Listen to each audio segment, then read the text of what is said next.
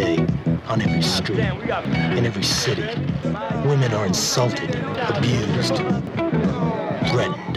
I don't like women giving me orders. Nowy rok, nowe my, nowe wyzwanie. 2023 ogłaszamy rokiem zemsty. Marta i Bogusia. Zapraszamy na podcastową przygodę z kinem Rape and Revenge. Oglądamy, dyskutujemy bez tabu. Kobiety eksploatacji. W każdą czwartą środę miesiąca. Tylko w konglomeracie podcastowym.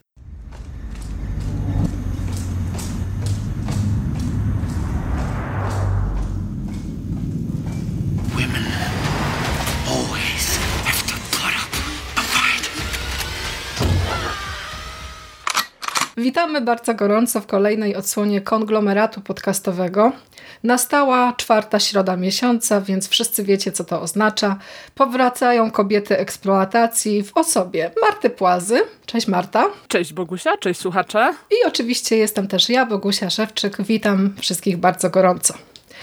W dzisiejszym nagraniu, tak jak w innych nagraniach z serii o kobietach eksploatacji, będziemy poruszać kwestie związane z przemocą seksualną oraz z gwałtami, więc od razu ostrzegamy tych słuchaczy, którzy e, nie czują się komfortowo słuchając o takich, e, o takich rzeczach. Jest mm, trigger warning. A dla wszystkich pozostałych też mamy ważną informację.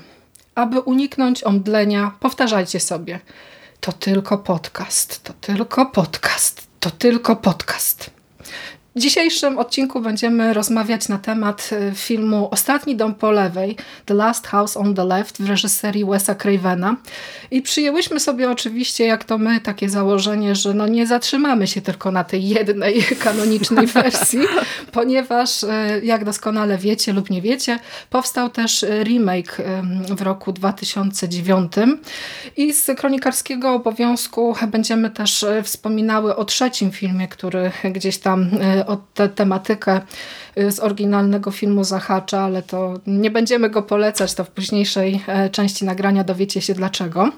Ostatni dom po lewej Wesa Cravena to jest taki film fundament, który określił schematy i gatunkowe założenia nurtu Rape and Revenge. Chociaż nie był pierwszy, bo rok wcześniej pojawił się film y, Nędzne psy z Dustinem Hoffmanem, który również dotykał tematu y, gwałtu i zemsty, ale to jakoś tak się przyjmuje, że to właśnie od tego filmu Cravena ten nurt tak na dobre zaczął ewoluować, zmieniać się, powstawało coraz więcej tych filmów. No i kino eksploatacyjne również doczekało się e, takiego momentu rozwoju i wybuchu. Czy ty pamiętasz, Marta, swoje pierwsze doświadczenie z filmem Wesa Cravena? Pamiętasz ten pierwszy raz? Pamiętam i powiem ci, że to był właśnie ostatni dom po lewej, także zaczęłam z grubej rury, jak to... Yy mówią niektórzy. Ale w ogóle Rape Revenge tak. to był pierwszy z, z, tego... Tak, to był mój pierwszy... Y, tak, to, to znaczy, to był jeden z pierwszych y, filmów Rape Revenge, jakie obejrzałam, bo teraz już sobie nie potrafię przypomnieć, czy pierwszy był Pluje na twój grób, czy Ostatni dom po lewej, ale to na pewno były seanse w bardzo podobnym okresie czasu. Natomiast y, jeżeli chodzi o film Wesa Cravena, to właśnie Ostatni dom po lewej był y, filmem y, pierwszym z jego filmografii, jaki obejrzałam. I powiem ci szczerze, że niejako ten kult, y, którym ten film jest otoczony, y, też jakby dokłada tą kolejną warstwę tej y, obskury w odbiorze tego filmu. Pamiętam właśnie z tych pierwszych lat mojej zajawki na kinoeksploatacji, pulpę, że wiesz, mówiła się o Ostatnim domu po lewej obejrzyj ten film, zobacz, jest straszny, okropny, sprawdź się. I to niejako dokładało tą kolejną warstwę, prawda? Yy, młodzi widzowie, yy, mówię tu też o sobie, zastanawiali się, kurczę, yy, co, co tam można znaleźć, prawda? Z czym dokładnie się będziemy musieli e, musiały również e, zmierzyć. Więc to też niejako sprawia, że ten film gdzieś tam rezonuje e, we mnie również teraz w dorosłym życiu, bo rzeczywiście doskonale pamiętam tą e, atmosferę obcowania z, niejako z dziełem zakazanym, z dziełem, które no, przekracza wszelkie granice, prawda, zarówno jakieś tam filmowe, jak i etyczne, bo tutaj jednak mówimy o historii, która gdzieś tam bardzo mocno poruszała się na eksplorowaniu tematów tabu, bo mamy z jednej strony gwałt, czyli trzon tej fabuły, tak. a z drugiej strony też jakby tą y, atmosferę, y, którą kreuje akt zemsty, czyli do czego jesteśmy w stanie się posunąć, aby gdzieś tam pomścić krzywdy, których doznaliśmy my, nasi bliscy. Także rzeczywiście myślę, że to był dobry film na start przygody z Wesem Cravenem, bo rzeczywiście niejako on mnie ukierunkował na kolejne filmy y, Wesa Cravena. Gdzieś tam jego ten... To znaczenie gdzieś się tam stale przeplatało w jego filmach. Owszem, miał tam e, różne filmowe niewypały, ale jednak no, Ostatni Dom po lewej dowodzi temu, że no, Wes Craven mm, zmienił bardzo dużo w historii kina jako takiego, ale też kina grozy właśnie. No to pierwsze doświadczenie moje z e, filmem Ostatni Dom po lewej to też podobnie jak w twoim przypadku ma posmak takiego zakazanego owocu. To myślę, że w, przy... w odniesieniu do innych widzów, którzy mierzyli się kiedyś z tym filmem, albo mają w planach się zmierzyć, no to będzie chyba takie dominujące właśnie mm, odczucie, bo wydaje mi się, że coś, co mm, w tym filmie mm, działa po 50 latach, no bo w zeszłym roku minęło 50 lat od premiery e, debiutu Wesa Cravena, reżyserskiego, bo to o tym nie wspomniałyśmy, to był jego pierwszy tak. pełnometrażowy film, e, no to, to, to wszystko działa nadal z tego powodu, że ten film jest e, do pewnego stopnia bardzo nihilistyczny, i taki nieprzyjemny, brudny, ale jeszcze nie w, w takiej formie drastycznej, do jakiej przyzwyczaiły nas te nowsze y, produkcje prezentującą tę przemoc taką bardzo wprost.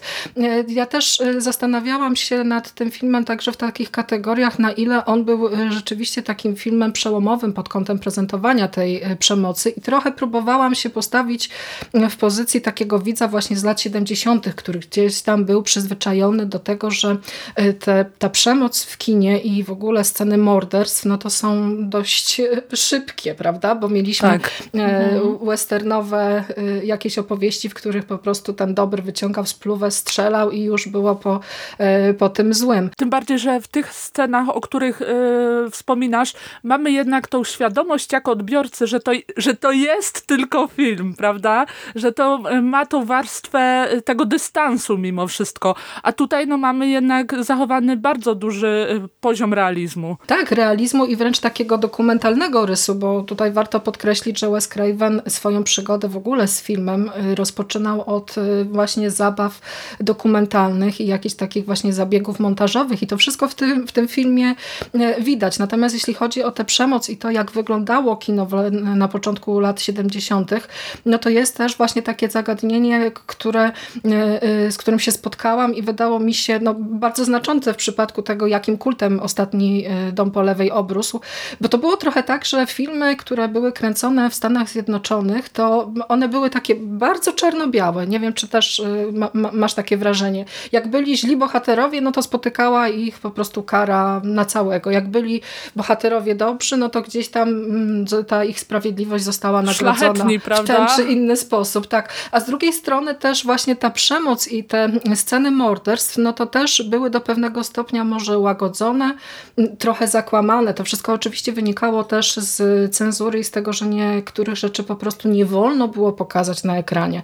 A Wes Craven założył sobie, że w tym swoim pierwszym e, pełnometrażowym filmie złamie po prostu wszystkie tabu. I w efekcie ta wersja, którą e, mamy możliwość oglądać teraz e, po tych 50 latach, to też jest, no nawet sam siebie cenzurował, bo pierwotne założenie scenariusza zakładało zupełnie inne bardziej jeszcze odjechane, brutalne sceny. Tam też miały być y, sceny nieudawanego seksu, więc to już też do pewnego stopnia pokazuje, y, jak bardzo ten umysł y, Cravena jako twórcy wybiegał naprzód i ile zakazów moralnych i społecznych Craven chciał w tym swoim filmie przemycić i przekroczyć. Oczywiście to nie jest tak, że to jest dzieło totalne. Ten film ma kilka problemów takich dość myślę, wyrazistych i takich elementów, z którymi współczesny widz nawet po tych 50 latach może mieć, y, może mieć problemy. To sobie troszeczkę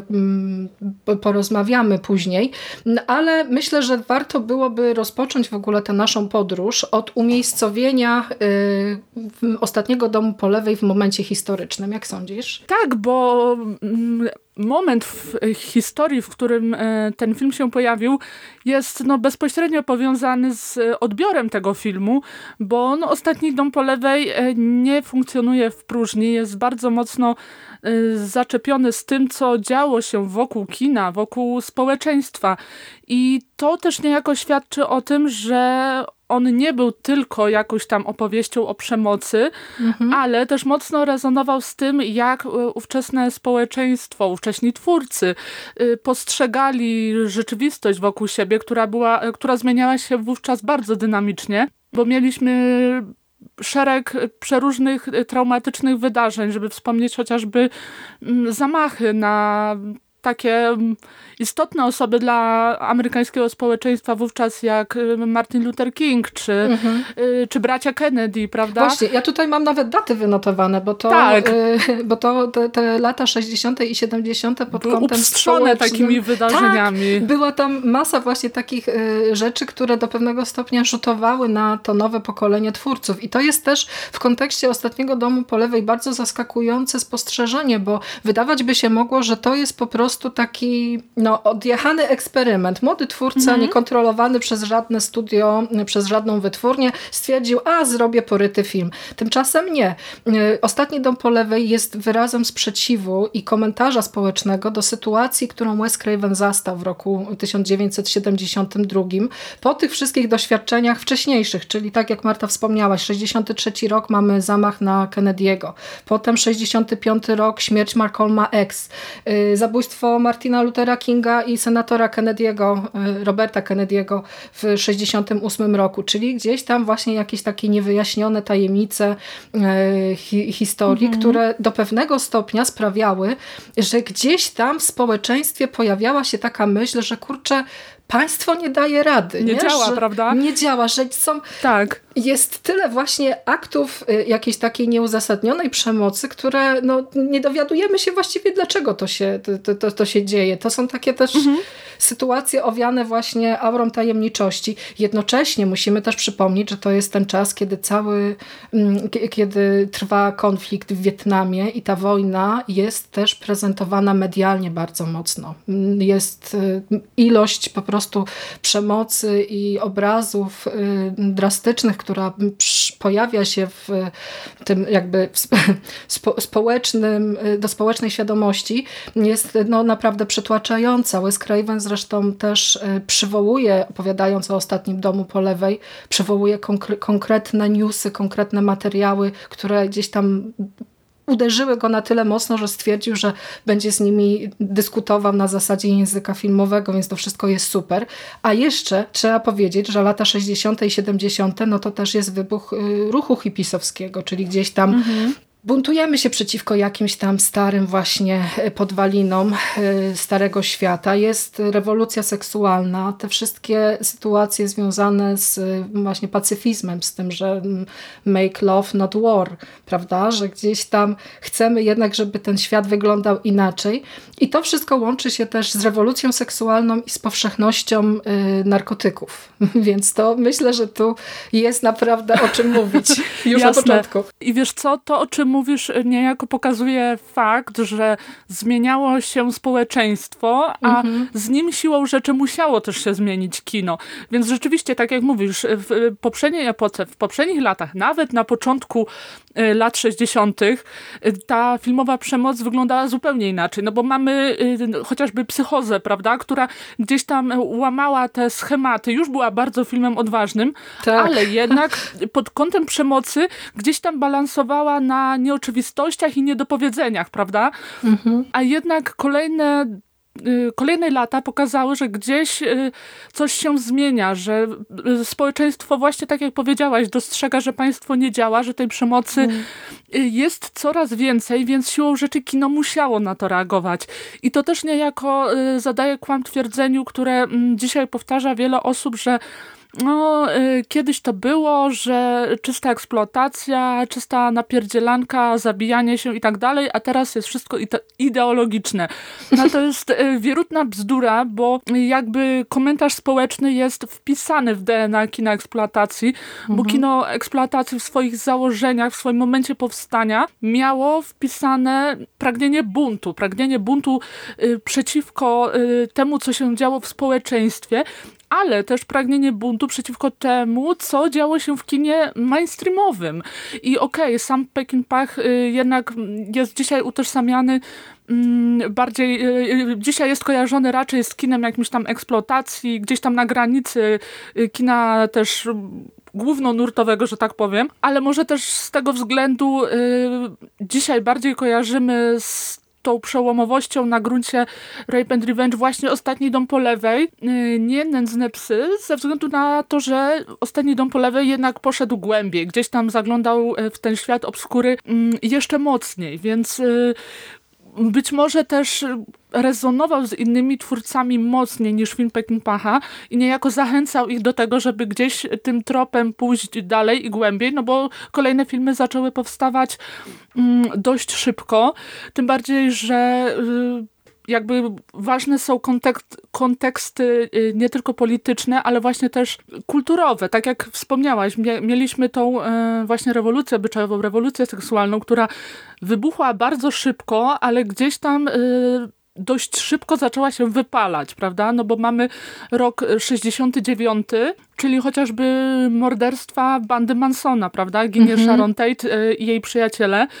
Mm, mamy też y, niesławny koncert y, Rolling Stonesów, gdzie y, to w ogóle dzisiaj może się wydawać absurdalne, a wówczas było no, kolorytem epoki, gdzie na tym koncercie za ochronę robili członkowie Hells Angels. Tam też doszło do wielkiej tragedii, więc gdzieś niejako to były takie sygnały, że ta rewolucja nie działa, że te wielkie, bardzo górnolotne ideały wolności, niczym nieograniczonej, gdzieś tam nie działały, bo zostały podniesione do takiego y, ekstremum, że pewne jednostki niestety te ideały wykoślawiły, więc mhm. to niejako też Wesa Cravena zainspirowało, aby ten y, film nakręcić, bo dość wyraźnie y, komentuje w Ostatnim Domu po lewej nie tylko właśnie sytuację polityczną z y, zawodem, y, jaki budziły wszelakie instytucje publiczne, ale też z zawodem, jaki przyniósł w, ówczesnym twórcom nawet właśnie ten ruch kulturowy, że gdzieś, gdzieś coś nie działało, prawda?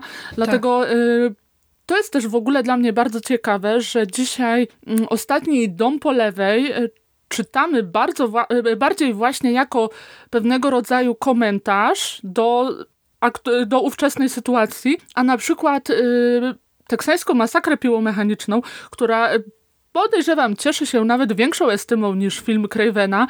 Gdzieś tam z marszu wpisujemy jednak w kontekst kina gatunkowego.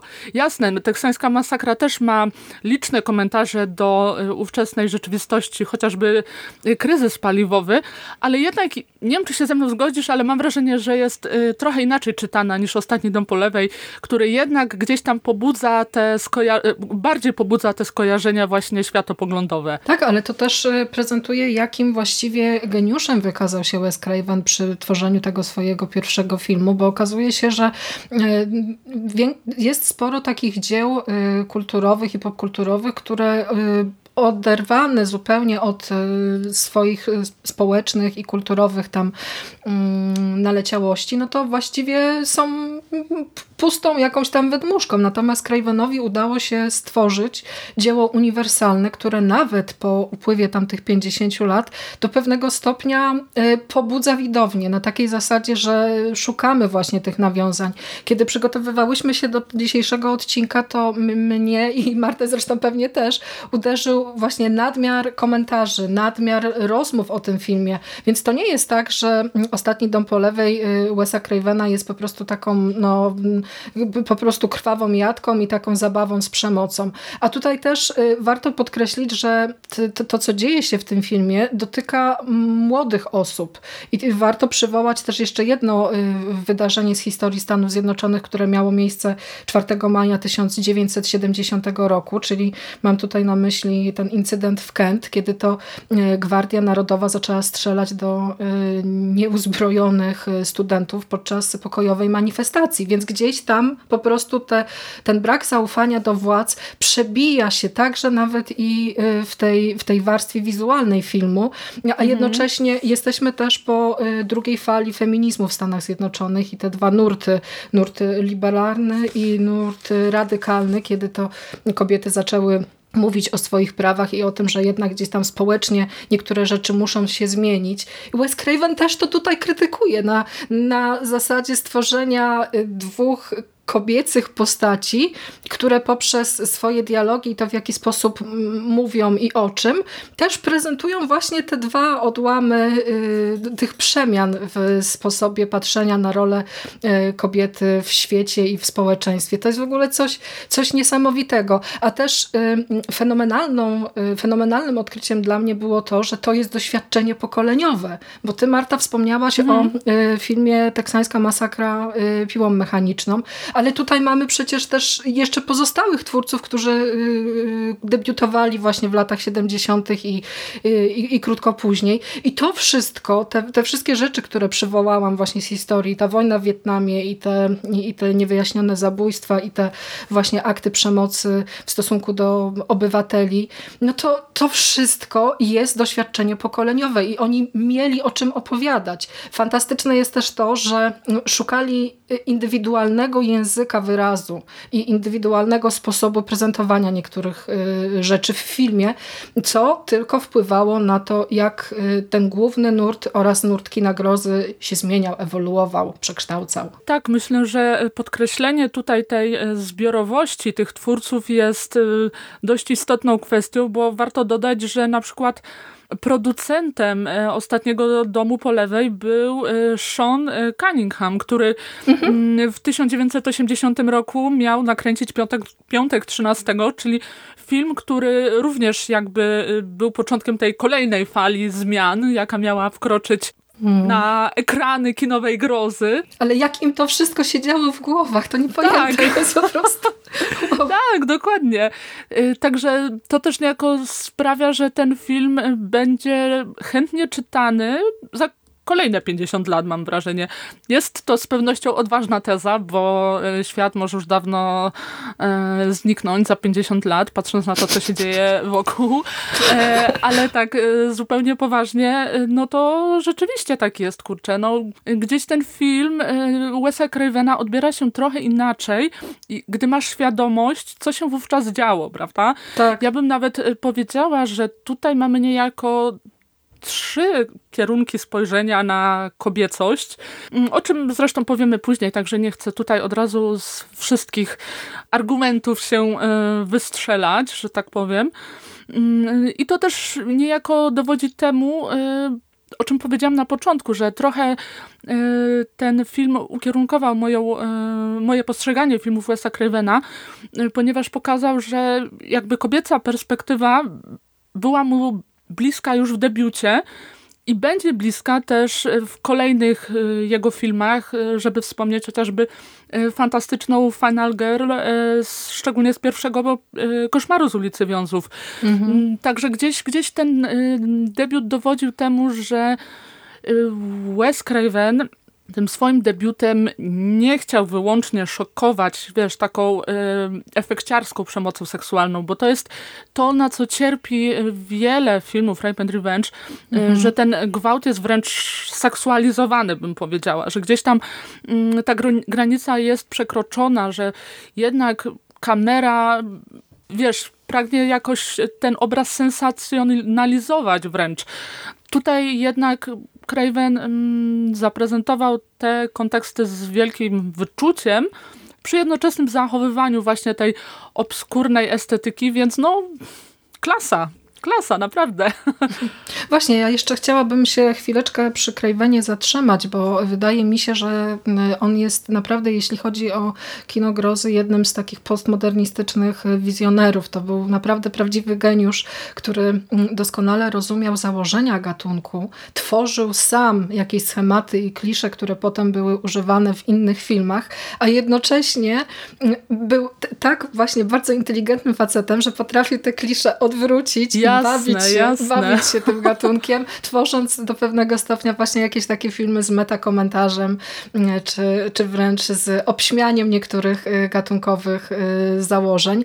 Ja tak sobie zawsze, gdy myślę o Cravenie, y, to wydaje mi się, że to był taki koleś, który zawsze wyprzedzał właśnie ten rozwój gatunku, bo kiedy mhm. ktoś był, wydawało mu się, że jest przełomowy i tutaj wpadał na jakąś rewelacyjną myśl, no to Craven był już naprawdę naprawdę dawno lata świetne y, naprzód. Wywodził się w ogóle z bardzo ciekawego środowiska, bo Wes Craven wychowywał się w baptystycznej rodzinie. Wychowywała go uzależniona od alkoholu matka, która przez długi czas y, broniła mu dostępu do y, świeckich dóbr kultury, czyli Craven dorastał bez, bez muzyki popularnej, bez filmu. I to wydaje mi się, że też miało dość duże znaczenie w takim podejściu z fascynacją, bo w każdym y, projekcie Wesa Cravena, nawet w tych mniej udanych, bo i takie się w jego dorobku zdarzyły też, jednak czuć tę fascynację, takie właśnie zachłyśnięcie się materią filmową i tym, że jeszcze nie pokazaliśmy wszystkiego, jeszcze możemy zrobić więcej, żeby zaszokować, zaskoczyć mm, i sprawić, że widz po prostu będzie na fotelu kinowym podskakiwał przy jakichś tam strasznych momentach. Jednocześnie warto też powiedzieć, że już w przypadku tego pierwszego filmu Wesa Cravena można mówić o pewnych znamionach kina autorskiego, bo on też miał takie swoje właśnie właśnie ulubione tematy, które go kręciły, fascynowały i które powracają w kolejnych produkcjach. To coś, co Wes Craven wprowadził, to takie właśnie rozbijanie mocnego napięcia wątkami humorystycznymi. Często właśnie używał szczególnie czarnego humoru, żeby niektóre sytuacje skrajne i dramatyczne przełamać. Y, dla Cravena charakterystyczną też są y, takie sekwencje z pułapkami, y, które w ogóle go fascynowały i w jego filmach pojawiały się bardzo często. Zaburzenie granicy pomiędzy snem a jawą, coś co wykorzystuje również w Ostatnim Domu po lewej. W jednej, w jednej scenie też mamy właśnie wizję koszmaru sennego, przy której złapałam się po prostu na tym, Cudowna że... Cudowna jest jest. Byłam pewna, że to się dzieje naprawdę i taka tak. właśnie podekscytowana siedziałam i czekałam, co będzie, co będzie dalej, a to, to jest taki motyw, który Craven oczywiście potem wykorzystał, żeby stworzyć postać mm, mordercy ze snów, czyli Frediego Krugera w Koszmarze z ulicy Wiązów, więc mua, uwielbiam po prostu takie motywy. Jest też tutaj dużo mm, dywagacji i takiego opowiadania o mm, domu i o rodzinie, bo to też wydaje mi się, że są takie ważne dla Cravena kwestie, które również pojawiają się w, w innych jego filmach. A coś, co Wes Craven w Ostatnim Domu po lewej zrobił wybitnie, to takie właśnie zaprezentowanie horroru w jak najbardziej naturalistyczny sposób. Bo do tej pory, wcześniej, w kinie grozy mieliśmy jakieś tam właśnie potwory, mieliśmy mm. Bele Lugosiego, Dracula i tam różne te inne e, nierzeczywiste twory, a Cravenowi udało się horror wprowadzić do sąsiedztwa. Tu są nawet y, bohaterowie ci źli zaprezentowani bez jakichkolwiek masek, więc to jest tak. też taka, mhm. y, taka wizja, która prezentuje, że y, tym źródłem grozy może być twój sąsiad, może być facet, którego spotkasz w komunikacji publicznej. To się dzieje obok ciebie i jesteś w nieustannym zagrożeniu. Jezu, straszne jest to, co mówisz.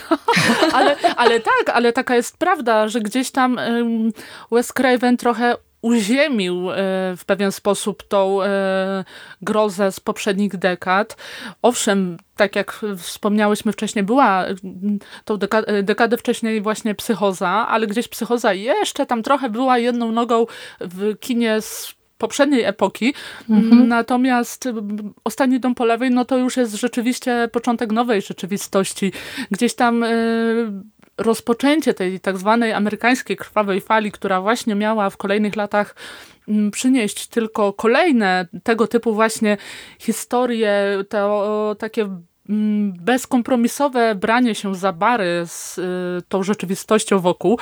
I generalnie dlatego też zawsze będę bronić Wes'a Cravena, bo dużo racji jest w tym, mm, o czym właśnie wspomniałaś wcześniej, że on bardzo mocno wyprzedzał y, swoje czasy no cóż, nie raz, nie dwa przekonywaliśmy się, że bardzo y, jakby konserwatywne wychowanie jest podatnym gruntem y, dla mhm. twórców, którzy potem przełamują Oj, wszelkie schematy. Ale generalnie Wes Craven miał doskonałe czucie materii filmowej i tego, jak y, film rezonuje z oczekiwaniami widza. No bo zobacz, jak, z jakim fantastycznym kołem historii mamy tutaj do czynienia. Mamy właśnie tą amerykańską krwawą falę, czyli chociażby właśnie Ostatni Dom po lewej, czy, czy teksańską masakrę. Później mhm. mamy kino nowej przygody, które miało być tym eskapistycznym tworem, który gdzieś tam y, miał pozwalać widzom na ucieczkę od tej traumatycznej rzeczywistości. Rzeczywistości to przetworzył. Tak, rzeczywistości w ich prawdziwym życiu, jak i rzeczywistości filmowej, bo no wszyscy wiemy, że kino Nowej Przygody to były bardzo jakby takie lekkie, takie mm -hmm. no po prostu przyjemne mm -hmm. historie, prawda? I potem wchodzi y, Wes Craven na początku lat 80., który mówi basta, przed złem nie ma ucieczki nawet w y, marzenia senne. Także y, no niejako to pokazuje to, że on był niesamowitym obserwatorem zmieniającego się świata. Więc wybaczam mu te kiepskie filmy, naprawdę wybaczam, bo y, jakby niwelował je historiami, które no zmieniły świat. Wiem, że to brzmi strasznie górnolotnie, ale mhm. no cóż, wpływ y, Frediego Krugera, wpływ Koszmary z ulicy Wiązów jest nie do przecenienia na kolejne dekady kina. Także Wes Craven rules. Tak, jak najbardziej. Wydaje mi się, że nie ma absolutnie tutaj zbyt dużo przesady w, w tej tezie, którą przed chwilą postawiłaś, bo ja jestem pewna, że gdyby nie tacy twórcy właśnie jak Cunningham, jak Craven, jak Cronenberg, no to nie mielibyśmy mm, takich y, ciekawych produkcji, które też do pewnego stopnia mm, są przetwarzane w tych współczesnych filmach. To oni dali właśnie podwaliny pod rozwój horroru i pod to, mm, y, że, ten, że te filmy prezentowały również no, ta, ta, takie rzeczy, o których widzom nawet się nie śniło y, dosłownie. Te, ten rozwój gatunku jest też, wydaje mi się, fascynującym, e, fascynującą rzeczą właśnie, w, jeśli oglądamy te filmy po kolei, nie? Tak mhm. od tego momentu najwcześniejszego, bo my e, w, te, w tym naszym cyklu Kobiety Eksploatacji zaczęłyśmy od Bergmana, teraz będzie Ostatni Dom po lewej i potem jeszcze ten drugi film, remake z 2009 roku, więc e, takie szersze spojrzenie na niby jedno zagadnienie, niby jeden temat, ale rozłożony w czasie o te dekady jest naprawdę bardzo ciekawym doświadczeniem, które które po pokazuje też w jaki sposób zmieniało się kino, w jaki sposób e, niektóre kwestie były poruszane i jak zmieniał się język, e, język filmowy. No to może właśnie już e, przyjrzyjmy się bliżej. Pokrótce myślę, że streścimy sobie film i opowiemy zarówno o tej oryginalnej wersji, jak i o remake'u, bo tutaj parę rzeczy jednak się pozmieniało, różnią się te filmy bardzo, a potem będziemy już rozmawiać o tych takich głębszych kwestiach, e, komentując Jasne. niektóre rzeczy, także do boju. Do boju. Ostatni dom po lewej z 1972 roku to jest taki film, który e, właśnie tak jak wspominałyśmy już wcześniej obrósł e, ogromną legendą, ale to też jest chyba taka produkcja, którą do pewnego stopnia można uznać za taki film, który o którym wszyscy mówią, ale niewiele osób widziało. Bo ja odnoszę też takie wrażenie, że y, część mojej wizji ostatniego domu po lewej, tej jaką miałam zasiadając teraz do seansu, to było do pewnego stopnia przetworzenie tych wszystkich rzeczy, który, które przeczytałam bądź usłyszałam na temat tego filmu. Oj, zdecydowanie tak. To był ciekawy właśnie powrót po latach, żeby skonfrontować się z y, tym wrażeniem, które gdzieś tam ten film wywarł przy pierwszym seansie, bo nie wiem, czy ty też y, tak miałaś, ale ja zapamiętałam to doświadczenie zupełnie w inny sposób. Wydawało mi się, że było tam więcej cielesności takiej, wiesz, pokazanej wprost, tak. na zasadzie więcej, mhm. więcej nagiego ciała. Nie pamiętałam absolutnie, że te sekwencje w domu są takie dziwne. E, zaskoczyłam się też właśnie tą muzyką, która e, też jest jednym z takich elementów, które do pewnego stopnia właśnie rozbijają nastrój, nastrój mhm. tego filmu. Nie pamiętałam zupełnie, że tam były takie radosne, skoczne pioseneczki. A film, jeszcze zanim oddam Ci głos, to muszę mhm, powiedzieć jasne. jeszcze dwa, dwa zdania. Film był tak brutalny, że oczywiście został wpisany na listę Video Nastis i był też zakazany w wielu krajach. Myślę, że tutaj mm, ciekawą, e, dużą ciekawostką będzie to, że dopiero w 2008 e, film można było legalnie na nośniku zobaczyć w Wielkiej Brytanii. W Australii był zakazany do 2004 roku. I co ciekawe, ta wersja, która gdzieś tutaj funkcjonuje w Polsce, e, można ją obejrzeć na platformie Flix Classic, no to jest jedną z takich najpełniejszych wersji, bo ma godzinę i chyba 21 albo 22 minuty, czyli to już jest taka wersja prawie że pełna, bo e, jak sam Wes Craven stwierdził, nie ma czegoś takiego jak pełna wersja Ostatniego Domu po lewej, bo ten film był zarówno cięty przez krytykę, jak i pocin, pod, po, przecinany przez e, wideooperatorów, którzy gdzieś tam właśnie też dokonywali e, samodzielnej cenzury, wycinając z tego filmu właśnie co brutalniejsze bądź takie bardziej soczyste kąski. A film prezentuje bardzo prostą historię i wydaje mi się, że to też jest e, zaskakujące, ile z takich właśnie szczątkowych wręcz e, założeń scenariuszowych udało się Cravenowi wycisnąć. Bo mamy tutaj dwie dziewczyny, Mari i Phyllis. Dziewczyny wybierają się na koncert rockowy. Mm, Mari kończy 17 lat, więc no, impreza tutaj trzeba jakoś poświętować. No i w, trafiają do dużego miasta, w którym postanawiają kupić marihuanę, no żeby imprezka była fajna, nastrój był odpowiedni. No i akurat y, pech y, sprawia, że trafiają na grupę y, złoczyńców, którzy dopiero co uciekli z więzienia. No i jak nie trudno się domyślić, zostają przez nich uwięzione, torturowane, gwałcone i w efekcie też no, dochodzi do morderstwa, nawet dwóch. I co dzieje się później? Nasi zwyrole trafiają do domu rodziców jednej z dziewczyn i ci rodzice postanawiają wymierzyć krwawą zemstę oprawcom e, ich córki. Tak stwierdziłam, że e, opowiem o całej fabule, bo tak jak już wspominałam, e, Ostatni Dom po lewej jest tak szeroko dyskutowanym i omawianym filmem, że nawet jeśli nie chcecie, to i tak wiecie, jak ta fabuła wygląda. No dobra, fabuła jest szczątkowa, ale co możemy o niej powiedzieć? Co ciebie najbardziej zafascynowało podczas tego powrotu po latach? Wiesz co, wydaje mi się, że największym problemem tego typu filmów, yy, problemem, a zarazem łatwością, yy, czyli znowu mamy do czynienia z niejednoznacznością, której często powtarzamy w tym cyklu, jest to, że one są właśnie tak szeroko omawiane. Czyli to generalnie mhm. o czym mówiłaś, że bardzo łatwo popaść w takie klisze krytyczne, gdzieś łapanie się na powtarzaniu tych samych komunałów, bo teoretycz, teoretycznie wydawać by się mogło, że ciężko coś nowego o tym filmie powiedzieć, prawda? Że no kurczę... O, ja się bardzo tego bałam, tak, tak. Bo, bo, to jest dziwne uczucie z perspektywy recenzenta mhm. i takiej właśnie osoby, która e, rozmawia o takich, takich filmach, że e, w jaki sposób właśnie znaleźć indywidualne podejście. To... Ale wiesz co... Y, ten film i mój powrót do niego po latach pokazuje niejako właśnie pułapki tego typu myślenia, bo y, ja powiem ci szczerze, że ostatnio chyba widziałam ten film właśnie jako nastolatka. Nie pamiętam, żebym do niego wracała gdzieś w kolejnych latach, mhm. więc generalnie miałam y, o nim wyobrażenie to z tych takich wczesnych, wczesnych lat.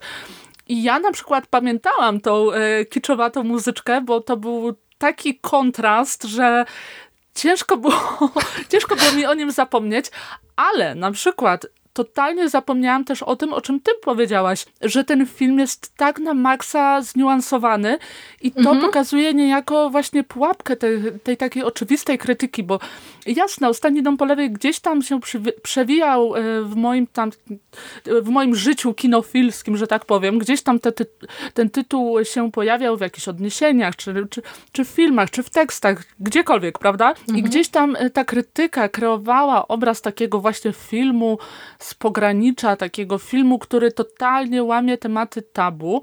Ja sobie cały czas wyobrażałam go jako kucze, takie no naprawdę zwyrolstwo mhm. wyższego mhm. poziomu. Tymczasem włączam ten film i kurczę, pierwsze co mnie uderzyło to to, że w zasadzie my tego gwałtu nie widzimy. Jeden e, rozgrywa się zupełnie poza kadrem, a tak. natomiast e, gwałt na Marii, czyli naszej e, głównej bohaterce, jest y, pokazany w taki sposób, że kamera obserwuje głównie jej twarz. I to też niejako jest dowód na empatię Cravena, który w przeciwieństwie do twórcy pluje na twój grup, który będziemy omawiać w przyszłym miesiącu, gdzieś tam jednak starał się y, zachować perspektywę dziewczyny, pokazać jej emocje, a nie jakąś tam seksualną satysfakcję oprawców, no bo wpluje na twój grup, wie, wszyscy wiemy y, jak to wygląda, ta scena jest na maksa rozciągnięta, tymczasem tutaj obserwujemy właśnie reakcję dziewczyny, jej łzy, jej krzyk, jej reakcje takie na maksa biologiczne, gdzieś tam y, wydzieliny, krew, y, pot, łzy i to naprawdę jest mhm. doświadczeniem tak emocjonalnym, że ja mam wrażenie, że ten film zupełnie nie działałby lepiej, gdyby to pokazywał dosłownie. Więc to było dla mnie bardzo duże zaskoczenie i tym, co też było dla mnie dużym zaskoczeniem, to jest sama konstrukcja yy, aktu zemsty. Ja na przykład zupełnie wyparłam ze świadomości, że ojciec Marii gdzieś tam wyskakuje z jakąś piłą mechaniczną. I to jest tak przezabawne, że no gdzieś tam jest to takie wybijanie z tego uczucia komfortu, bo to niby mhm. jest ten akt zemsty. Pokazujemy ojca na maksa wkurzonego, który gdzieś tam chce pomścić cierpienie swojej córki, a to wyskakuje z piłą mechaniczną. Więc... Ja się bardzo śmiałam, jak zobaczyłam te sekwencje, kiedy on przygotowuje pułapki, bo od razu mi się po tak, prostu załączyła tak. taka lampka pod tytułem Kevin sam w domu, Kevin sam w domu. Jak on tam właśnie gdzieś tam te, te druciki tak albo jest. jakiś widelec wbija tam w okienicę wody, wylewa coś tam, coś tam. Po prostu śmiałam się w głos. Ale to też jest właśnie takie dziwne doświadczenie, bo ja jeszcze chciałabym mhm. się ciebie zapytać, czy ty y, czułaś się podczas seansu w jakiś sposób niekomfortowo z tym, że się śmiejesz. Jasne. Bo ja powiem mhm. ci, że właśnie e, w przypadku ostatniego domu po lewej e, mam taki problem z tym, że ten film nie ma jednoznacznie ustalonego tonu. Bo często jest tak, że już od pierwszych momentów wiemy, że no tu będzie na poważnie, nie? Albo że tak. o tu będzie jakaś tam zgrywa. Natomiast tu jest autentycznie taka emocjonalna sinusoida i jeszcze dodatkowo Wes Craven wprowadza postać tych ciapowatych, slapstickowych policjantów, którzy też po, po prostu w paru momentach filmu naprawdę miałam ochotę wziąć ich, wstrząsnąć po prostu mhm. albo im sprzedać tam liścia, żeby się ogarnęli. I właśnie te wszystkie sytuacje e, tak bardzo rzutują na to, że widz kompletnie nie wie, jak reagować, bo z jednej strony wiesz, masz scenę, kiedy dziewczyna biegnie przez las, ale to jest zrobione z jakąś tam właśnie taką leciutką folkową muzyczką. Albo z drugiej strony masz scenę, kiedy zgwałcona dziewczyna mm, po tym akcie przemocy wstaje i gdzieś tam w szoku idzie, idzie odchodzi. Mhm. Nie? a w tle jest melodyjka i jakaś tam właśnie rzewna ballada pod tytułem, że no jesteś jesteś sam i tutaj w ogóle polecam, bo twórcą muzyki do tego filmu i autorem tekstów piosenek jest David Hess, jeden z aktorów występujących e, w filmie. Jeśli zdecydujecie się na sens, to polecam posłuchać tych piosenek w oderwaniu od, od tych obrazów, w oderwaniu od filmu i wsłuchać się bardzo mocno w teksty, bo to też jest po prostu zupełnie inny poziom, dodatkowa warstwa interpretacyjna.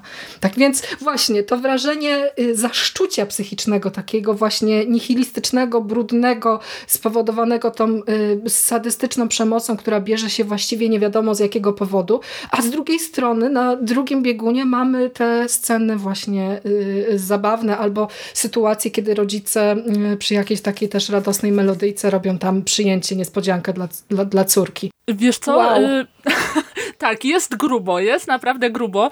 I jakby powiem ci, że rozumiem totalnie osoby, dla których to może być jakąś barierą y, nie do przekroczenia, bo mhm. to rzeczywiście można czytać jako coś, co się chyba najgorzej zestarzało w tym filmie, ale powiem ci, że ja nie potrafię tego jakby jednoznacznie ocenić negatywnie bądź pozytywnie, bo y, lubię... Ja nie potrafię wytłumaczyć swoich reakcji w trakcie tak, tego filmu. Tak, tak, tak, tak, tak. Ja mam dokładnie to samo. Wiesz co? Może powiem tak. Ja bardzo lubię to uczucie, to, co ten film ze mną robi. Bo y, ja na przykład w kinie, szczególnie kinie eksploatacji, lubię czuć się jakby mm, zaskoczona, wytrącona z równowagi, zadziwiona mm -hmm. własnymi reakcjami. Bo to pokazuje, że ten film żyje, że on nie jest jakby wiesz, sztuką dla sztuki, że y, nie, jest, y, nie istnieje tylko po to, aby gdzieś tam y, szokować, gdzieś eksploatować tą przemoc, prawda? Gdzieś tam posługuje się takimi narzędziami, żeby gdzieś tam do nas jako widzów dotrzeć. I rzeczywiście tak jest w tym filmie, bo mm, tutaj warto dodać, że nasi oprawcy, zanim dochodzi do samego gwałtu, gdzieś tam y, właśnie torturują tę dziewczynę. To, te tortury mogą się wydawać wręcz no, głupawe, prawda? No, w jednej ze scen na przykład y, zmuszają jedną z dziewczyn do tego, żeby no prost posikała się w spodnie, prawda? I gdzieś mhm. tam mając z tyłu głowy to, co kino przez te wszystkie kolejne lata zrobiło z nami, jako z odbiorcami tego typu scen, bo to często jest jakiś aspekt mm, podnoszony na przykład przez komedię. I y, to sprawia, że tutaj no ta scena działa na ciebie w przeciwny sposób, no bo kurczę, z jednej strony mamy y, dziewczynę, która jest totalnie upokorzona, no mhm. nikt nie chciałby się znaleźć w takiej sytuacji, co nie? Absolutnie. A z drugiej strony masz właśnie te swoje reakcje, które są wręcz automatyczne. Nie, ja na przykład w tamtym momencie no, zareagowałam instynktownie, powiem ci. Nawet nie zastanawiając się nad tym, jak ta scena rzeczywiście powinna być odbierana, no bo to są tortury, kurczę. Mhm. Mm, natomiast y, jeżeli chodzi o gliniarzy, to powiem ci, że ja totalnie będę bronić tego, jak oni są w tym filmie pisani, bo to jest taki głośny, naprawdę wyrazisty krzyk twórczy Cravena na to, jak ówczesne pokolenie postrzegało właśnie jakby jakieś instytucje władzy, policję, cokolwiek. Tak jak mówisz, e, w realnym życiu mieli do czynienia z policją, która e, brutalnie rozganiała e, protesty. E, była generalnie agresywna, brutalna. Zresztą to jest do tej pory problem w społeczeństwie amerykańskim. Mhm. Więc moim zdaniem taka konstrukcja tych policjantów, czyli właśnie takich, no głupków, no kurczę, no nie ma co używać jakby górnolotnych określeń, oni są po prostu głupi w tym filmie. To jest jakby próba gdzieś tam przepracowania tej traumy poprzednich lat. No, często jest tak, że jakby ratunkiem w takich y, tragicznych doświadczeniach jest śmiech, prawda? Że gdzieś tam śmiejemy się z, z czegoś i czujemy, że gdzieś tam odzyskujemy władzę nad własną historią, gdzieś tam jakiś łapiemy dystans, więc myślę, że to, że ci gliniarze zostali napisani w taki sposób, działałoby lepiej niż gdyby byli takimi, wiesz, y, typowymi, poważnymi gośćmi, którzy są niespecjalnie zainteresowani. Ale jestem w stanie zrozumieć, że to dzisiaj może nie działać na wszystkich, bo to jest typowo taki chwyt czytelny dla świata, dla ówczesnego pokolenia. Oj, czy ja wiem. W Polsce mamy przecież policjantów, którzy gdzieś tam na podnośniku e, zaglądają do okien, więc gdzieś tam w, tych, w tych mm. sytuacjach, kiedy pojawiali się gliniarze w filmie, to ja rzeczywiście się śmiałam, ale też e, to, to jest taki trochę śmiech przez łzy, bo e, tak. ty sobie zdajesz sprawę, że oni są tak niekompetentni i tak beznadziejnie nie nadają się do tej roboty, że ta ich opieszałość do pewnego stopnia generuje też tę tragedię. Bo tak, w momencie... bo masz taki w, w nerw, prawda? Oczywiście Bo wiesz, w momencie, kiedy oni y, jadąc y, od rodziców widzą na mm, poboczu zaparkowany samochód z jakimiś rejestracjami, których nie kojarzą, no to mm, no, do jasnej choinki trzeba to sprawdzić, tak? A oni stwierdzają, że a, gdzieś tam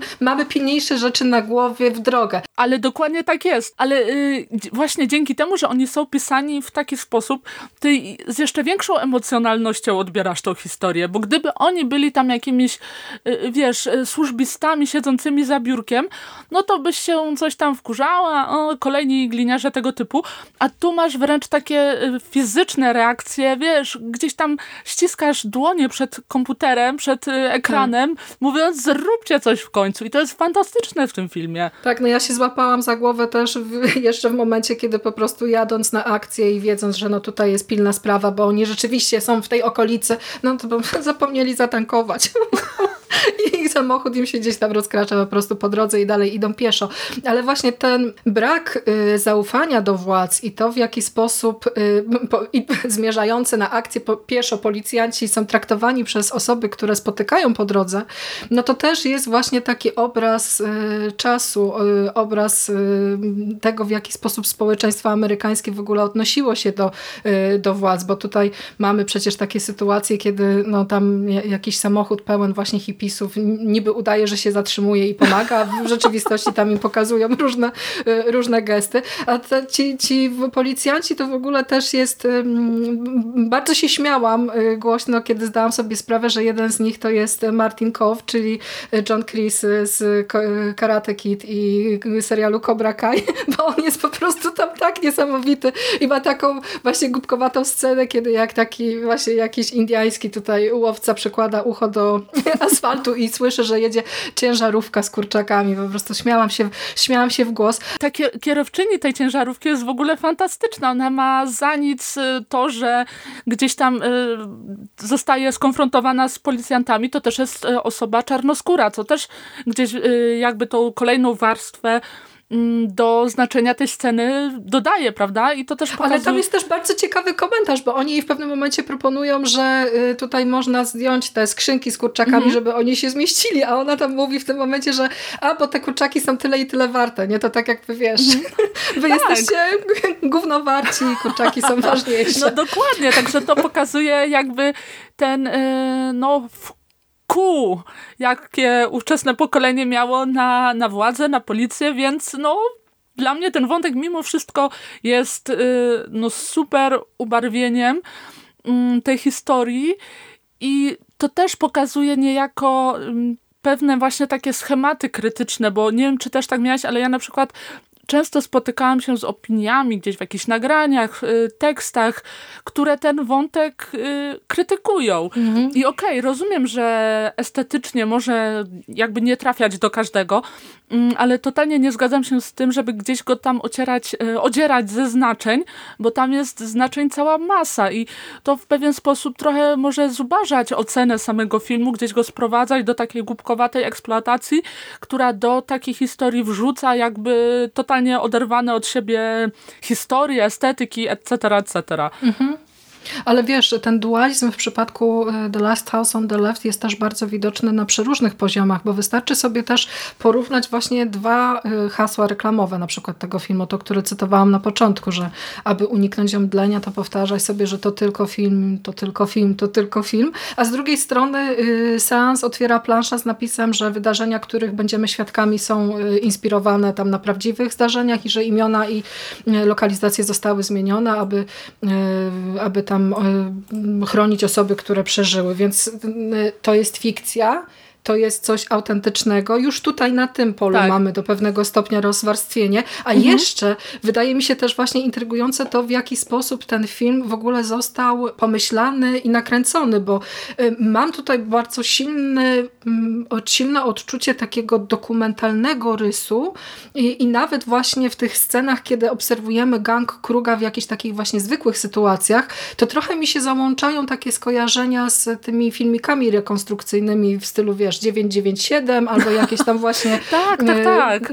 Te, tego typu opowieści. No ten gro, ta groza i slapstick w, w jednym ujęciu, nie? To rozbijanie praktycznie tych okropnych sytuacji poprzez humor sytuacyjny i słowny, skojarzenie właśnie snu z jawą i zmontowanie tego w taki sposób, że widz nie jest w stanie stwierdzić w jakim obszarze opowiadania historii w tej chwili się znajduje. Są też dwa modele rodziny, więc tak, tych, tych rozwarstwień, tego dualizmu y, jest w ostatnim domu po lewej bardzo dużo. Tak i jeszcze ten najważniejszy jakby, czyli dualizm samego odbioru tego filmu. Mm, bo kurczę, mamy czas wojny w Wietnamie, czas kiedy rząd wysyła całe rzesze młodych chłopaków y, na front, gdzie są konfrontowani zarówno jako mm, obserwatorzy z ogromnym, okropnym okrucieństwem, a mhm. zarazem jako y, osoby, które to okrucieństwo niosą.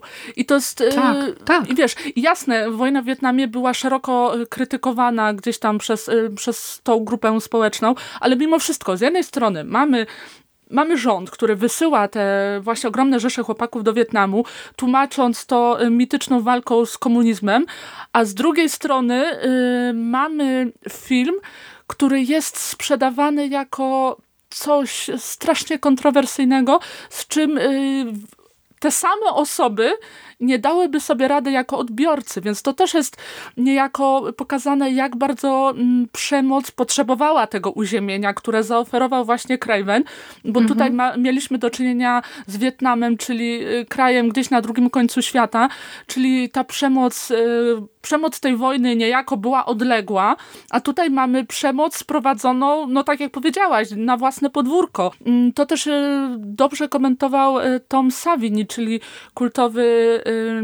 twórca fantastycznych, horrorowych y, charakteryzacji, który w dokumencie The American Nightmare, który serdecznie polecamy, polecamy opowiada, rzecz. że on będąc w Wietnamie y, jako fotograf, jako gdzieś tam realizator, wiesz, pokazujący to, co, to, co się tam działo, mhm. że gdzieś zyskiwał dystans do tego, co widział właśnie poprzez aparat, poprzez obiektyw. On już nie pamiętam dosłownego cytatu, ale on powiedział coś na zasadzie, że mm, poprzez y, ten, y, tą kamerę to, co widział, wydawało się dla niego efektami specjalnymi. Więc mm -hmm, to mm -hmm. też właśnie pokazuje na to, jak jak ta przemoc w Wietnamie była postrzegana często, no bo obserwatorzy w Ameryce też mogli się do niej dystansować i niejako Craven swoim filmem trochę tą hipokryzję podkreślił, prawda? Tak, bo z jednej strony jesteśmy właśnie na co dzień bombardowani y, obrazkami przemocy, jakichś właśnie y, poparzonych dzieci, sterty zwłok, y, pourywane kończyny i to wszystko się dzieje, prawda? To, to, to, mhm. to nie są wymyślone obrazki, ani w żaden tam sposób stylizowany przekaz. A z drugiej strony jesteśmy zszokowani y, filmową przemocą. Dokładnie Chociaż tak. wydaje, mi, wydaje mi się, że w przypadku Ostatniego Domu po lewej to właśnie taki dokument mentalny rys jest czymś, co sprawia, że ten film tak bardzo działa, bo nie wiem, czy też tak miałaś, ale e, kiedy oglądałam go ostatnio, to, to właśnie ta, ta ziarnistość kliszy, e, taka ta rozedrgana kamera, a jednocześnie jakieś takie skojarzenia z cinema verité, czyli z tym kinem dokumentalnym, kinem prawdy, które mi się załączały podczas e, niektórych scen, bo mamy tam na przykład przerażającą sekwencję, kiedy Krieger wycina na, pierś, na piersi Marii swoje mm, inicjały, litery swojego imienia. I ta scena jest zrobiona tak sugestywnie i tak autentycznie, e, że ja się w pewnym momencie zaczęłam zastanawiać, że zaraz, zaraz, ale czy to aby na pewno jest fikcja? Czy, bo to, to wygląda aż tak podejrzanie autentycznie, że no, poczułam się naprawdę, naprawdę niekomfortowo, a jednocześnie widz też w wielu sytuacjach, które dzieją się w tym filmie jest postawiony w takiej pozycji gdzieś tam bezosobowego obserwatora, takiego trochę podglądacza, bo my faktycznie widzimy sytuacje okropne, wszystkie te sceny tortur, sceny jakichś właśnie takich też y, rozmów głupkowatych, które niby nie popychają y, fabuły naprzód, ale jednak gdzieś tam do pewnego stopnia budują nam y, tych bohaterów. A właśnie, a propos budowania bohaterów, to też mam wrażenie, że w kinie eksploatacji przed Cravenem nie było tak wyraziście psychologicznie zarysowanych bohaterów, jak jak tutaj. Szczególnie właśnie w, tej, w tym gangu Kruga. Trochę tak jest, bo kino eksploatacji długo y, miał jakiś tam zabawowy charakter, taki bardziej kontrkulturowy. Y, gdzieś tam mieliśmy Rasa Meyera chociażby, który kręcił te swoje właśnie eksploatacyjne historyjki, które raczej miały w inny sposób y, oddziaływać. Mm, wiadomo, kino eksploatacji przed Cravenem gdzieś tam dopiero raczkowało w takiej formie, w jakiej miało y, wybuchnąć y, w latach 70., ale tutaj rzeczywiście jest y, bardzo mocno zarysowane konteksty właśnie zmieniającego się świata właśnie poprzez charakter tych postaci. Wspomniałyśmy na początku o właśnie kobiecości w tym filmie mhm. i te zmiany chyba najlepiej uwidaczniają się właśnie na bohaterkach, bo mamy z jednej strony mamę e, Marii, która jakby jest no, wyrazistym przykładem kobiecości American z poprzedniej family, ery. Mhm. Tak, takiej amery klasycznej amerykańskiej pani domu z lat 50.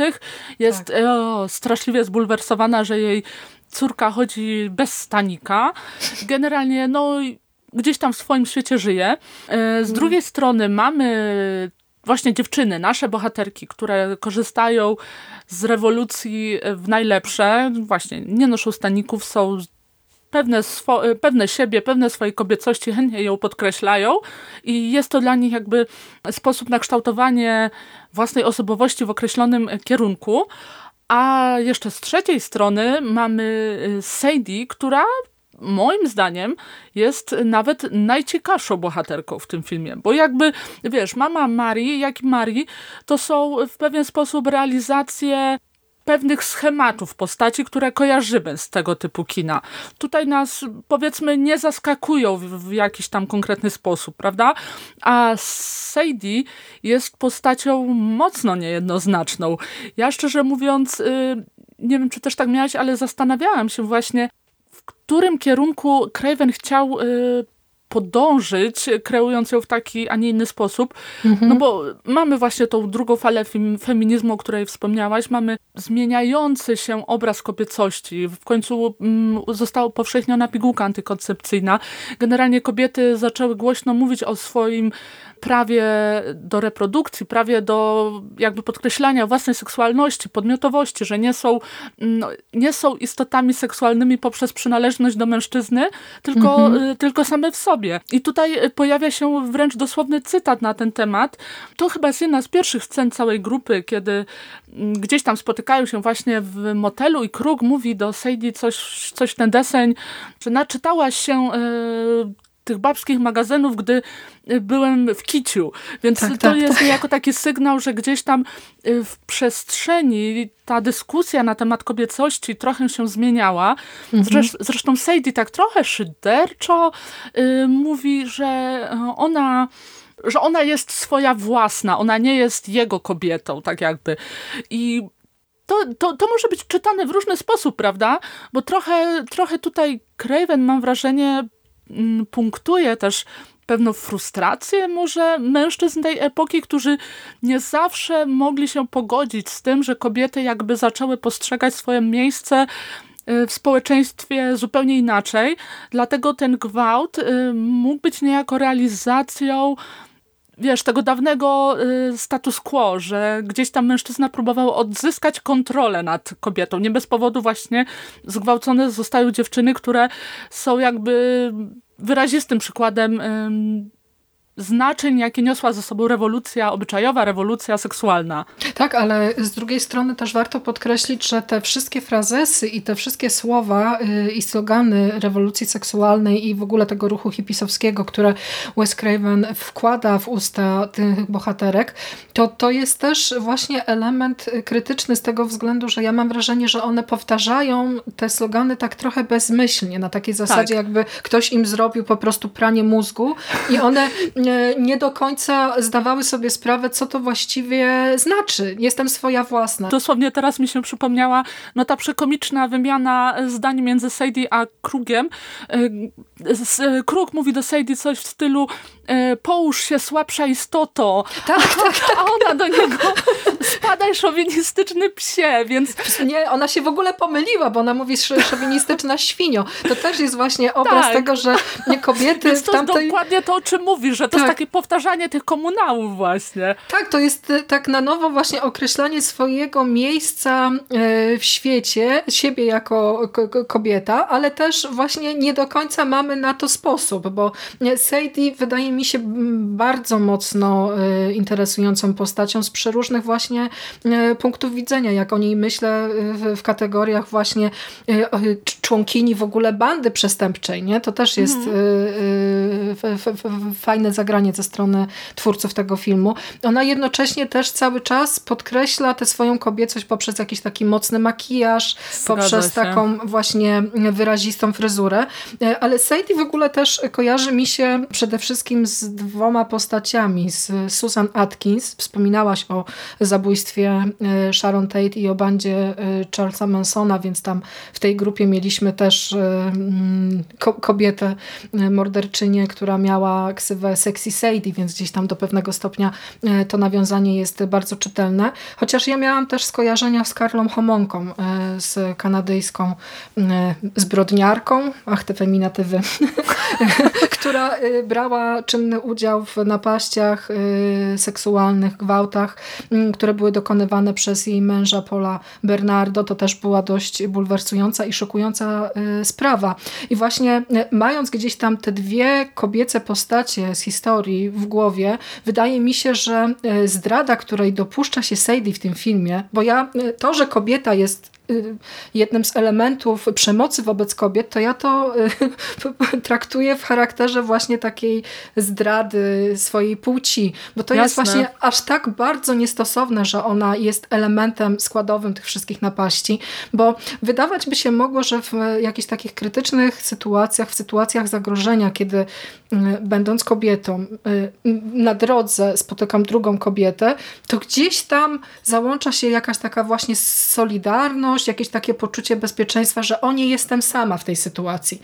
Natomiast tutaj też się zastanawiałam, czy Sadie była na przykład jakimś takim e, naganiaczem ofiar. Dlaczego ona w ogóle w tej grupie funkcjonowała? Bo e, można by pomyśleć, że jest to też taka figura y, głupiej dziewczyny gangstera, ale wydaje mi się, że absolutnie nie. Ona ma tutaj... Ma znaczenie. Duże znaczenie. I też, e, e, I też jeszcze tylko mm, wydaje mi się też ciekawe to, że ona jest trochę przedstawiona jako niejednoznaczna pod kątem orientacji seksualnej, bo też przecież mamy scenę z Phyllis, kiedy, no, mówiąc kolokwialnie, obmacuje jej piersi. I jest też wycięta scena e, seksu z Marii, która przez cenzurę została usunięta, ale wiemy, że ona tam była, więc to, ta postać Sadie jest taka, no powiedziałabym, na granicy. Tak, y, w ogóle zobacz jaka to jest jakie to jest ciekawe ubarwienie y, całego dyskursu wokół y, kobiecości, wokół kultury gwałtu, bo ja się bardzo zgadzam z tym, o czym mówisz, czyli, czyli z tym, że Sadie jest niejako reprezentantką takiej strategii zdrady swojej płci. Mhm. I też dużo racji jest w tym, co mówisz, że ona mogła funkcjonować jako taki pozorny bufor bezpieczeństwa, bo rzeczywiście kulturowo kobiecość jest postrzegana jako, nie wiem, symbol jakiegoś bezpieczeństwa. Yy, więc, łagodności przede wszystkim, tak, nie? Łagodności, A Sadie ma tutaj scenę, kiedy po zabójstwie Phyllis po prostu rozcina jej brzuch tak, i grzebie tak, tak, tak. we flakach, nie? Więc jako jest tak, wiesz co, ja się sama łapię na tym, że mm, dajmy na to przykładowa sytuacja. Yy, łapie stopa i na przykład zatrzymałby się facet z kobietą w e, samochodzie, Czujesz się bezpiecznie, Czułabym się bezpieczna. Może nie tyle bezpieczna, co bezpieczniejsza. Albo to jest w przedziale, określenie. albo w przedziale, w pociągu. Jak, tak, tak, tak, jak tak. szukasz wolnego miejsca i widzisz na przykład przedział, w którym siedzi trzech facetów, a kawałek dalej jest przedział, w którym siedzi kobieta, no to który to wybierzesz? pójdziesz do tego, jasne. Oczywiście.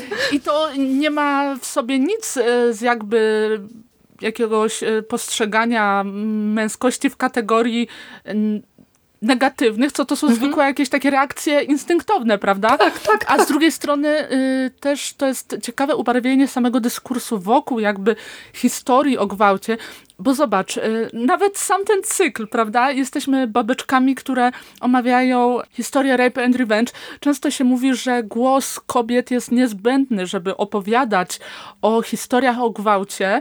Celebruje się jakby filmy gatu tego gatunku nakręcone przez kobiety, więc niejako oczekuje się, że kobieta prędzej zrozumie doświadczenie przemocy seksualnej, bo jakby jest na nią bardziej narażona, może tak to mhm. ujmijmy. Wiadomo, ofiarami gwałtu mogą paść, paść, również mężczyźni, ale no jednak procentowo wiadomo, jak to wygląda. I no niejako oczekuje się od kobiety, że ona będzie współczuć, będzie współodczuwać, będzie rozumieć to, co spotyka ofiarę, prawda? A tutaj mhm. mamy właśnie e, Sadie, która nie dość, że nie rozumie, to jeszcze jest jedną z oprawczyń.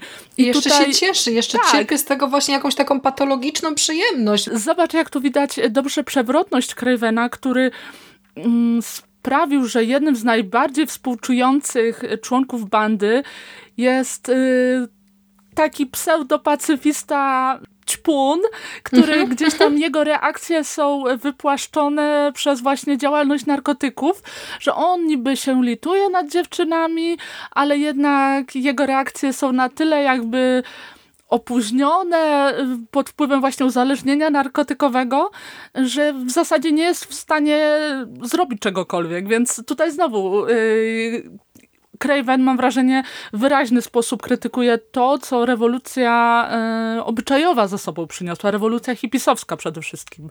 Myślę, że Ostatni Dom po lewej można również czytać w dwóch jeszcze zupełnie zaskakujących kategoriach, jako właśnie dramat rodziny też, e, bo e, wydaje mi się, że dość wyrazistym elementem konstrukcji fabularnej jest to, że mamy mm, do czynienia z portretowaniem dwóch rodzin. Z jednej strony mamy rodzinę Collingwoodów, o której której już trochę wspominałyśmy, czyli jest tata lekarz, jest córka Marii, no i ta mama taka właśnie e, gospodyni amerykańska. To jest jeden właśnie, jedna wizja takiej rodziny zdrowej, normalnej bym powiedziała. A z drugiej strony mamy Kruga Stilo i jego e, syna juniora, który został przez ojca e, wciągnięty w, w nauk, w uzależnienie od narkotyków. I oni funkcjonują właśnie na takiej zasadzie mm, wędrownej trupy przemocowej, nie? bo tam jeszcze oprócz wspomnianej Sadie i Juniora jest również chyba właśnie y, jakiś wujek krewny y, Kruga, y, Fred Łasica-Podowski, też niezła kreatura. I oni, cała, cała ta banda Kruga jest, wydaje mi się, też bardzo ciekawym właśnie reprezentantem tych negatywnych aspektów rodziny, jako takiej właśnie komórki, która nie do końca spełnia swoją swoją rolę w społeczeństwie, bo jakby się tak przypatrzeć dokładnie, to Craven krytykuje również i ten aspekt życia społecznego na zasadzie, że e, nawet my jako najbliżsi mm, często możemy być źródłem y, grozy i jakichś takich właśnie problemów dla ludzi, których powinniśmy chronić. W przypadku właśnie tej relacji Kruk Junior, y, która też y, dochodzi do mm, fenomenalnej konfrontacji ostatecznej, kiedy Kruk próbuje właśnie wstrząsnąć swoim synem i krzyczy do niego, że rozwal sobie, rozwal sobie łeb, rozwal sobie łeb i to, się, i to się dzieje. To jest takie nihilistyczne, po prostu potworne zakończenie wątku tego juniora, który gdzieś tam mam wrażenie, że e, gdyby został oderwany od tej grupy i postawiony w zupełnie innej sytuacji, to może jednak coś tam by jeszcze e, z niego było, bo on jakieś takie przebłyski człowieczeństwa ma w momencie, kiedy tak. dochodzi do e, torturowania dziewcząt, no to on mówi, że no dajcie sobie już spokój, no po prostu je zabijmy, nie? No jak już, po co je męczycie, łaskawy. nie? Łaskawy. Łaskawy junior. No, a jednocześnie też bardzo chciałabym się ciebie e, tutaj zapytać e, w ogóle o tę bandę Kruga, bo e, w konstrukcji tej grupy też jest coś właśnie takiego niesamowitego, bo one, oni z jednej strony są tak cholernie wyprani z emocji, że to aż boli i boli. Oni się wydają aż właśnie niewiarygodni w tym swoim odczłowieczeniu, bo dopuszczają się naprawdę takich czynów, że po prostu no, mózg staje. Ale też do pewnego stopnia poprzez to, w jaki sposób Wes Craven kierował, bądź też nie kierował swoimi aktorami, no to taka postać jak Kruk albo Łasica, no to są jednak ciekawe charaktery i też do pewnego stopnia właśnie tak niepokojąco fascynujące. Też miałaś takie tak, wrażenie? ja ci powiem, że jestem w stanie uwierzyć, że tutaj nie było żadnej ingerencji Cravena i że mhm. ci aktorzy po prostu poszli na żywioł.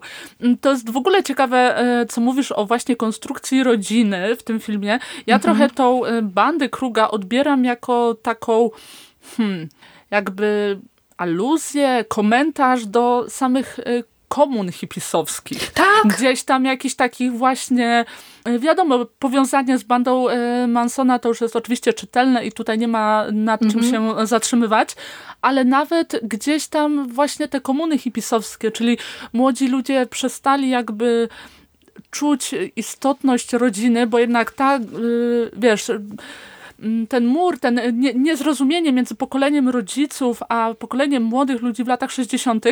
było tak duże, że młodzi ludzie gdzieś tam szukali tych relacji y, w innym środowisku, w inny sposób, w, sposób może bardziej niekonwencjonalny. Mhm. Gdzieś, tam, gdzieś tam właśnie te, te komuny funkcjonowały. Mm, I tutaj Craven gdzieś tam swój komentarz do tego świata, tych takich patworkowych rodzin, bym powiedziała, y, dorzuca, bo tak naprawdę no, musimy mu zawierzyć na słowo, że tą grupę łączą takie relacje, a nie inne, bo nie wiemy, czy to nie są na przykład, no oprócz oczywiście Kruga i syna, tutaj, tutaj ta relacja jest oczywista, y, jasna, tak. oczywista, ale tak naprawdę nie mamy pewności, co łączy ich z pozostałą dwójką, więc to jest jakiś taki y, właśnie klimat takich patworkowych, poszywanych z różnych indywidualności grup, mhm. które w zasadzie wzajemnie się nakręcają, podburzają i rzeczywiście jest tak, jak mówisz, że to ich zło jest takie, yy, takie mimochodem, samochodem. Oni z uśmiechem na twarzy robią te wszystkie bezeceństwa i to też, mhm. kurde, trochę tak wyrzuca cię z takiego poczucia komfortu. A inna sprawa to jest y, sama fizys y, Davida Hessa, która, wow. która jest w ogóle wielkim ćwiczeniem y, emocjonalnym, bo no nie oszukujmy się, on y, może być postrzegany jako y, osoba, mężczyzna atrakcyjny fizycznie, a z drugiej strony no jest totalnym zwyrolem, więc y, to też jakoś tak działa na zasadzie takiej, takiego braku komfortu, kurde, bo z jednej strony łapiesz się na tym, że no w sumie jest to atrakcyjny facet, a z drugiej strony no nie chciałabyś go spotkać e, w swoim życiu i mm. gdzieś tam e, ten potencjał Davida Hessa, niejednoznaczny, był chętnie wyczuwany, wyłapywany przez twórców, bo on pojawił się jako taki właśnie przemocowiec, gwałciciel e, również w domu na skraju lasu w reżyserii Ruggero, Ruggero, przepraszam osoby znające język włoski za złą odmianę e, Deodato. W każdym razie twórcy chociażby Cannibal Holocaust, który w 1980 roku nakręcił właśnie Dom na skraju parku, więc już jakby ta e, jedność tytułu gdzieś, gdzieś jest czytelna. I to jest też również film w fantastyczny sposób odwracający y, schematy kina Rape, Rape and Revenge. Być może go omówimy w naszym cyklu. Kto wie, kto wie. E, jest co... David Hess, jestem kupiona. Tak. I, I właśnie, i tam też jest wykorzystany ten jego niejednoznaczny potencjał e, męskości, tak bym, tak bym to nazwała, bo rzeczywiście jest, jest on naprawdę mm, osobą, która gdzieś tam tą, e, ten film wynosi na kolejny poziom. Ja myślę, że gdyby Kruk był w taki jednoznaczny sposób paskudnym typem, to nie miałoby aż takiej siły rażenia, mam wrażenie. Tym bardziej, że Łasica to też taki, kurczę, elegancik, śliski Ale śliski, typ. nie? Tak, taki gdzieś tam wychodzi obleśny. w tej marynarce, ale no nie ufasz mu za grosz, więc no fajnie, fajnie się e, Craven z tymi naszymi wyobrażeniami o gwałcicielu bawi. No to, to jest też zastanawiające właśnie te motywacje, bo to, że oni są zwyrodnialcami, no to jest już e, zasygnalizowane właśnie w tym komunikacie, mm, który dziewczyny gdzieś tam słyszą w samochodzie i dzięki temu my otrzymujemy jakąś tam szczątkową ekspozycję e, Kruga i jego bandy. Ale ja się też właśnie zastanawiałam bardzo mocno nad e, ich motywacjami, nad tym, co skłania ich do takiej właśnie przedziwnej przemocy, bo to nie jest też tak, że oni mają plan prawda? To jest wszystko y, robione pod wpływem chwili, może trochę na zasadzie jakiegoś takiego poszukiwania adrenaliny, bo ja w tym wszystkim też mm, e, oprócz zezwierzęcenia takiego oczywistego widzę jakąś taką właśnie chęć przejęcia władzy nad kimś, właśnie takie tak. może mhm. trochę znudzenie zastaną sytuacją, degradacja człowieczeństwa, okej, okay, ale oni też w, w tym swoim w tych swoich atakach, w tej swojej przemocy są z jednej strony właśnie tacy przekomiczni też, nie? No bo wpadają, mm, każą dziewczynom udawać krowę, nie? I muczeć. To w no. założeniu, jak tak się opowiada o tej scenie, no to to jest zabawne, nie? My się śmiejemy, jak ta Łasica tak. robi te dziwne miny, nie?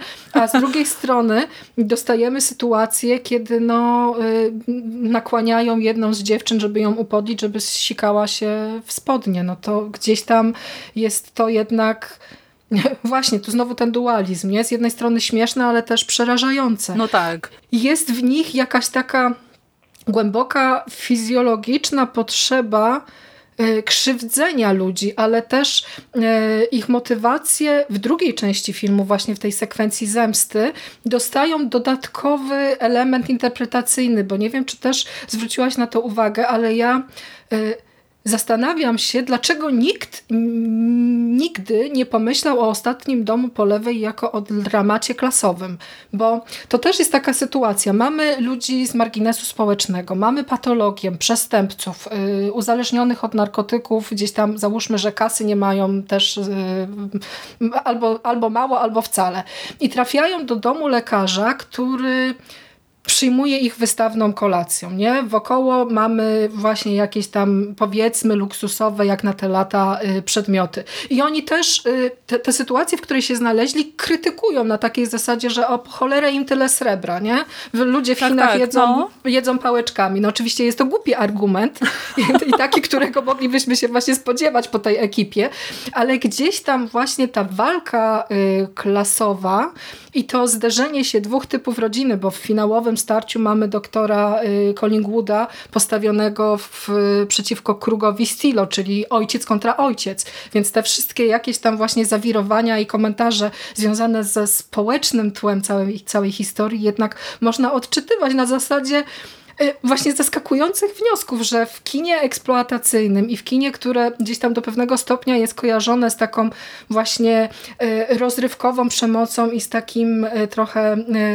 kuglarskim żonglowaniem efektami gorczy, jakimiś takimi właśnie seksualnymi scenami, może się znaleźć coś, co wzbudzi w widzu właśnie taki moment, że zaraz, zaraz, ale to wszystko nie jest takie oczywiste. Jasne. Po pierwsze powiem Ci, że my chyba prze, przecieramy nowe krytyczne szlaki, bo rzeczywiście tak jest, e, że czytając jakby literaturę przedmiotu dotyczącą właśnie kina Rape and Revenge, to wątek klasowy jest, mhm. nie powiem, że w ogóle, ale dość rzadko podejmowany, mimo że to się nasuwa Oczywiste bardzo wyraźnie. Jest, w, każdym, w każdym, każdym z kolejnych tych filmów ten wątek jest poruszany. A w ostatnim Domu po lewej działa o tyle fajnie, że ja mam wrażenie, że ta banda trochę legitymizuje swoje działanie właśnie istnieniem tego świata, wiesz, y, tego wyżej od nich.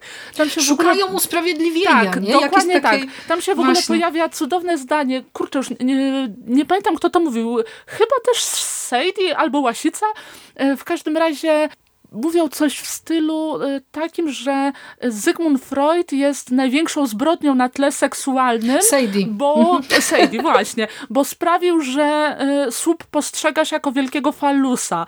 Więc to jest niejako taki właśnie też klasowy komentarz. Krytyka, krytyka inteligencji wprost. Tak, tak, tak, tak, dokładnie. I to, to jest czytelne. To nie, nie trzeba jakiejś wielkiej ekwilibrystyki yy, krytycznej, żeby to dostrzec, mhm. bo to jest rzeczywiście pokazane, że te inteligenckie jakieś wartości, jakieś takie głębokie rozważania y, mogą być zupełnie wykoślawione przez y, drugą osobę, która może być właśnie y, w, tej, w tym jakby dyskursie traktowana jako ktoś gorszy, ktoś gdzieś, gdzieś jako osoba, która z tego dyskursu wypada. I oni niejako właśnie tą górnolotną dyskusję o rewolucji obyczajowej, seksualnej traktują jako wymówkę dla siebie. Na zasadzie, wiesz, no hej, wszyscy, wszyscy z wszystkimi, każdy z każdym, no to dlaczego mhm, mielibyśmy nie skorzystać? Nam. Tak, równość, ma, mamy prawo robić, e, robić co chcemy.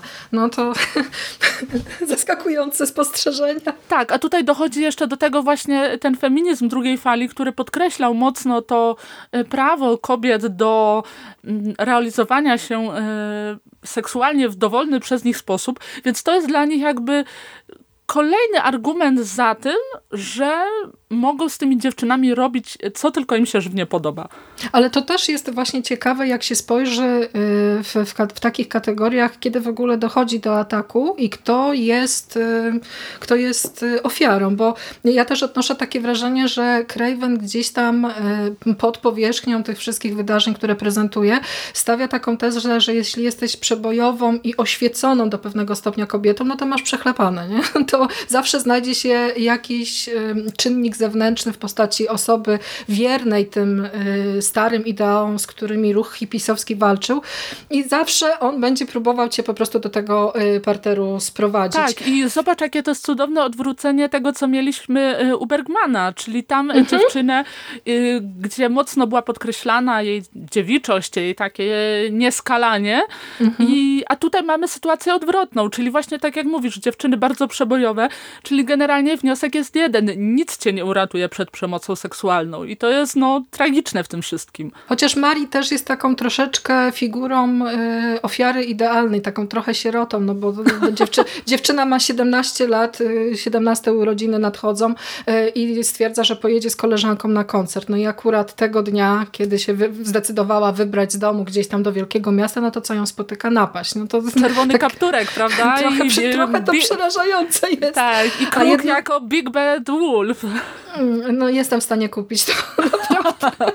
Ale wiesz co, to y, masz rację w tym, co mówisz. Nawet fakt, jak pokazany jest jej moment śmierci. Tutaj y, mhm. są y, dwie mm, ciekawe, dwa ciekawe tropy interpretacyjne, bo Wes Craven w scenie, w której Kruk no, zabija po prostu Mary, bo Mary ginie od strzału. Craven tutaj inspirował się zarówno tym bodajże najbardziej takim znanym zdjęciem e, egzekucji, egzekucji tak. w, Wiet, e, w Wietkongu, a później ciało Marii w wodzie upstrzone jakimiś e, tam, jakąś tam roślinnością, mhm. przybiera formę jakiegoś takiego hołdu dla obrazu Ofelia, co też jest no, fantastycznym, fa fantastycznym tropem, który pokazuje, że Craven gdzieś w tym swoim wyczuciu umiał łączyć sakrum z profanum, że tak powiem e, górnolotnie, że gdzieś tam e, to, e, to okrucieństwo potrafił łączyć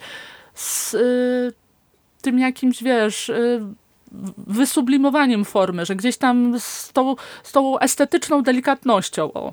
Tak bym to, to nazwała. To jest też fascynujące, bo y, z jednej strony mamy właśnie dokumentalny charakter całej produkcji i tę ziarnistość, tę taką surowość, ale też zdarzają się tam takie momenty kina po prostu artystycznego, właśnie wspomniana przez ciebie scena, ale też y, to, to, o tym totalnie nie pamiętałam. To też ja też. Byłam, byłam y, tak w pewnym momencie się zastanow zaczęłam zastanawiać, czy ja aby na pewno oglądam dobry film, bo tam na początku jest dużo właśnie takich takich ujęć przyrody, nie? A to sobie tam rzeczka płynie powoli, potem coraz szybciej, coraz szybciej jakiś wodospad. Y, są sobie kaczki, yy, które gdzieś tam też yy, w tej przestrzeni pływają. Mamy dużo ujęć lasu, dużo ujęć yy, drzew, więc gdzieś tam właśnie takie y, artystyczne obrazowanie okoliczności y, wszystkich tych wydarzeń to, to było dla mnie naprawdę potężne zaskoczenie, bo wydawało mi się, że takich rzeczy nie ma w tym filmie. Nie co? pamiętałam tak, tego. ja też. I to też e, dodaje jakby takiej kolejnej warstwy e, rozbicia tego poczucia bezpieczeństwa. No bo wiadomo, Sielskość, ruch tak, hipisowski, pięknie. generalnie mm. ta końcówka lat 60. to było podkreślanie tej łączności z naturą, że gdzieś tam Matka Ziemia, tego typu sprawy, że gdzieś tam młodzi ludzie bardziej czuli się w relacji z właśnie mm, przyrodą, niekoniecznie z jakąś tam wielkomiejskością. A tak. tutaj y, Craven niejako pokazuje, że no bzdura, że niebezpieczeństwo czai się wszędzie. Więc y, jestem w stanie sobie wyobrazić, jaką siłę oddziaływania miał ten film właśnie na początku lat 70. Dobrze, a ja jeszcze chciałabym się ciebie zapytać też o... E o właśnie tę ostateczną sekwencję, to, to, to, to, to finałowe starcie, bo to jest też taki element, z którym e, ja chyba mam najwięcej problemu. Bo nagle okazuje się, że rodzice Marii, którzy odkrywają, że ich córka została e, zabita, łączą elementy na zasadzie, że Junior ma wisiorek z pacywką, który e, Marii mu podarowała. Tam e, łasice chyba czy kruk mają ślady po ugryzieniu. Sadie ma plaster na czole, więc ewidentnie w jakichś tam dramatycznych sytuacjach oni e, byli. No i te elementy łączą no, rodzice Marii, te kropki wychodzą właśnie w taki obraz, że oto są oprawcy naszej, naszej córki. No i co? Właśnie z takich amerykańskiej, takiej idealnej rodziny, która gdzieś tam stwarza te pozory normalności, nawet w sytuacji, kiedy ich córka zaginęła, no to zawsze trzeba nawet tych najbardziej dramatycznych Ugościć. okolicznościach z klasą y, się zaprezentować i tutaj gości y, odpowiednio przyjąć. No i nagle zmieniają się w jakichś takich rządnych krwi furiatów y, z premedytacją, no bo ojciec zostawia pułapki przecież, więc gdzieś tam jednak na ten atak w stosunku do bandy Kruga jest gotowy. No ale największą chyba kuriozalną scenę zemsty otrzymuje matka Marii, która w akcie właśnie wymierzania sprawiedliwości odgryza łasicy penisa. To, to jest w ogóle kuriozum potężne. I tutaj właśnie tak wydaje mi się, że to jest taki trochę pstryczek w nos, który Craven wymierza tym feministkom na takiej zasadzie, że no dobra, wy próbujecie się gdzieś tam wyłamać ponad te wasze y, płciowe ograniczenia, ale tak naprawdę to jedyną waszą bronią jest wasza seksualność, więc trochę y, tak jest, prawda? Co robi matka Marii? Uwodzi łasicę i gdzieś tam w odosobnieniu po przyjemniejszych chwilach dopuszcza się właśnie takiej krwawej zemsty. Nie miałaś tutaj zgrzytu? Wiesz co, trochę tak jest, bo ja mam wrażenie, że tą scenę można czytać y, i odbierać w przeróżny sposób, bo jakby, no jestem w stanie Ale ona zrozumieć... jest karykaturalna. Matko. Tak, jest, owszem, jest kary karykaturalna. Z jednej strony jestem w stanie zrozumieć, że ta scena ma jakiś tam potencjał, mm, wiesz, katarzis, no jednak dla części osób to może być oczyszczające, że gwałciciel został pozbawiony swojego narzędzia przemocy, czyli przyrodzenia. Ale to dziwne, bo to nie Łasica zgwałcił. Chociaż nie, to nie wiemy, bo nie widzimy tego ale, przecież. Pierwszego ale, ale generalnie brał w okay. tym udział, więc można to nawet traktować jako... Yy, wiesz, metaforyczne pozbawienie gwałciciela jego narządu gwałtu. Rozumiem. Mm, więc jakby jestem w stanie zrozumieć, że to może mieć pewien potencjał właśnie takiego odczytania, ale ze względu na to, że ta przemiana rodziców nie jest zbyt dobrze podprowadzona przez Cravena, mhm. to jestem w stanie też y, zaakceptować i zrozumieć twoją argumentację, bo powiem ci, że ja miałam trochę wrażenie, że te dwa akty to trochę dwa różne filmy. Tak. Że Zemsta jest już taką typową eksploatacją i okej, okay, można to tłumaczyć tym, że Craven niejako chciał pokazać taką, wiesz, błahość przemocy, że, że, że to już się po mhm. prostu e, wykipiało, wylało się już poza granicę, że żyjemy w takim świecie wszędobylskiej przemocy, że przemoc nie musi być w żaden sposób podprowadzona, wytłumaczona, po prostu dzieje się i tyle. Więc no okej, okay, emocjonalnie to może działać w ten sposób, ale pod względem języka typowo filmowego, to rzeczywiście jest trochę zgrzyt. No bo rodzice, jasne, rozpaczają, widzimy ich scenę, gdy y, odnajdują ciało Marii, więc no ta trauma jest jakby widoczna, ale to się już dzieje za szybko. To nie jesteśmy w stanie jakby się zespolić z tym aktem zemsty. Właśnie mhm. po części też ze względu na to, że ona jest taka dość głupkowata. No, no ojciec wylatujący z tą piłą mechaniczną wygląda naprawdę jak jakiś, jakaś zapowiedź Letterface'a, który miał e, nadejść za y, dwa lata. Mhm. A jest też nieporadny tak bardzo tak, w tej, w tej swojej zemście. To, nie? to, to rzeczywiście zgrzyta, bo to jest, to jest już taka eksploatacja czystej wody i przez to, że to jest takie za bardzo, to mhm. trochę ten gwałt schodzi na drugi plan, prawda? Bo rzeczywiście i tutaj też y, ta scena y, senna może być czytana też właśnie w tym kierunku, no bo... Kapitalna jest, naprawdę wow. Jest przerażająca, owszem, ja absolutnie nie odmawiam y, tej scenie sił oddziaływania, no bo rzeczywiście mm. widzimy ojca, widzimy ogólnie rodziców Marii jako sadystycznych lekarzy, którzy gdzieś tam mają zamiar mm. naszych oprawców rozkroić, więc to działa, działa, ale no jednak zostawia z takim poczuciem niedosytu mimo wszystko. No ta, pre, ta prezentowana przemoc w finałowym akcie ma też być właśnie tym głównym argumentem przeciwko przemocy, bo to jest trochę tak, że Craven usiłuje powiedzieć, że zobaczcie, przemoc rodzi przemoc, ale czy tak. to naprawdę jest konieczne? Jaką ulgę y, przynosi wymierzenie sprawiedliwości y, oprawcom Mary Collingwood, bo ostatnią sceną, jaką widzimy, taka zatrzymana właśnie stopklatka, to są y, zapłakani rodzice Marii z krwią na rękach, którzy będą musieli żyć z niejedną tragedią, bo to nie jest tak, że oni tylko stracili córkę.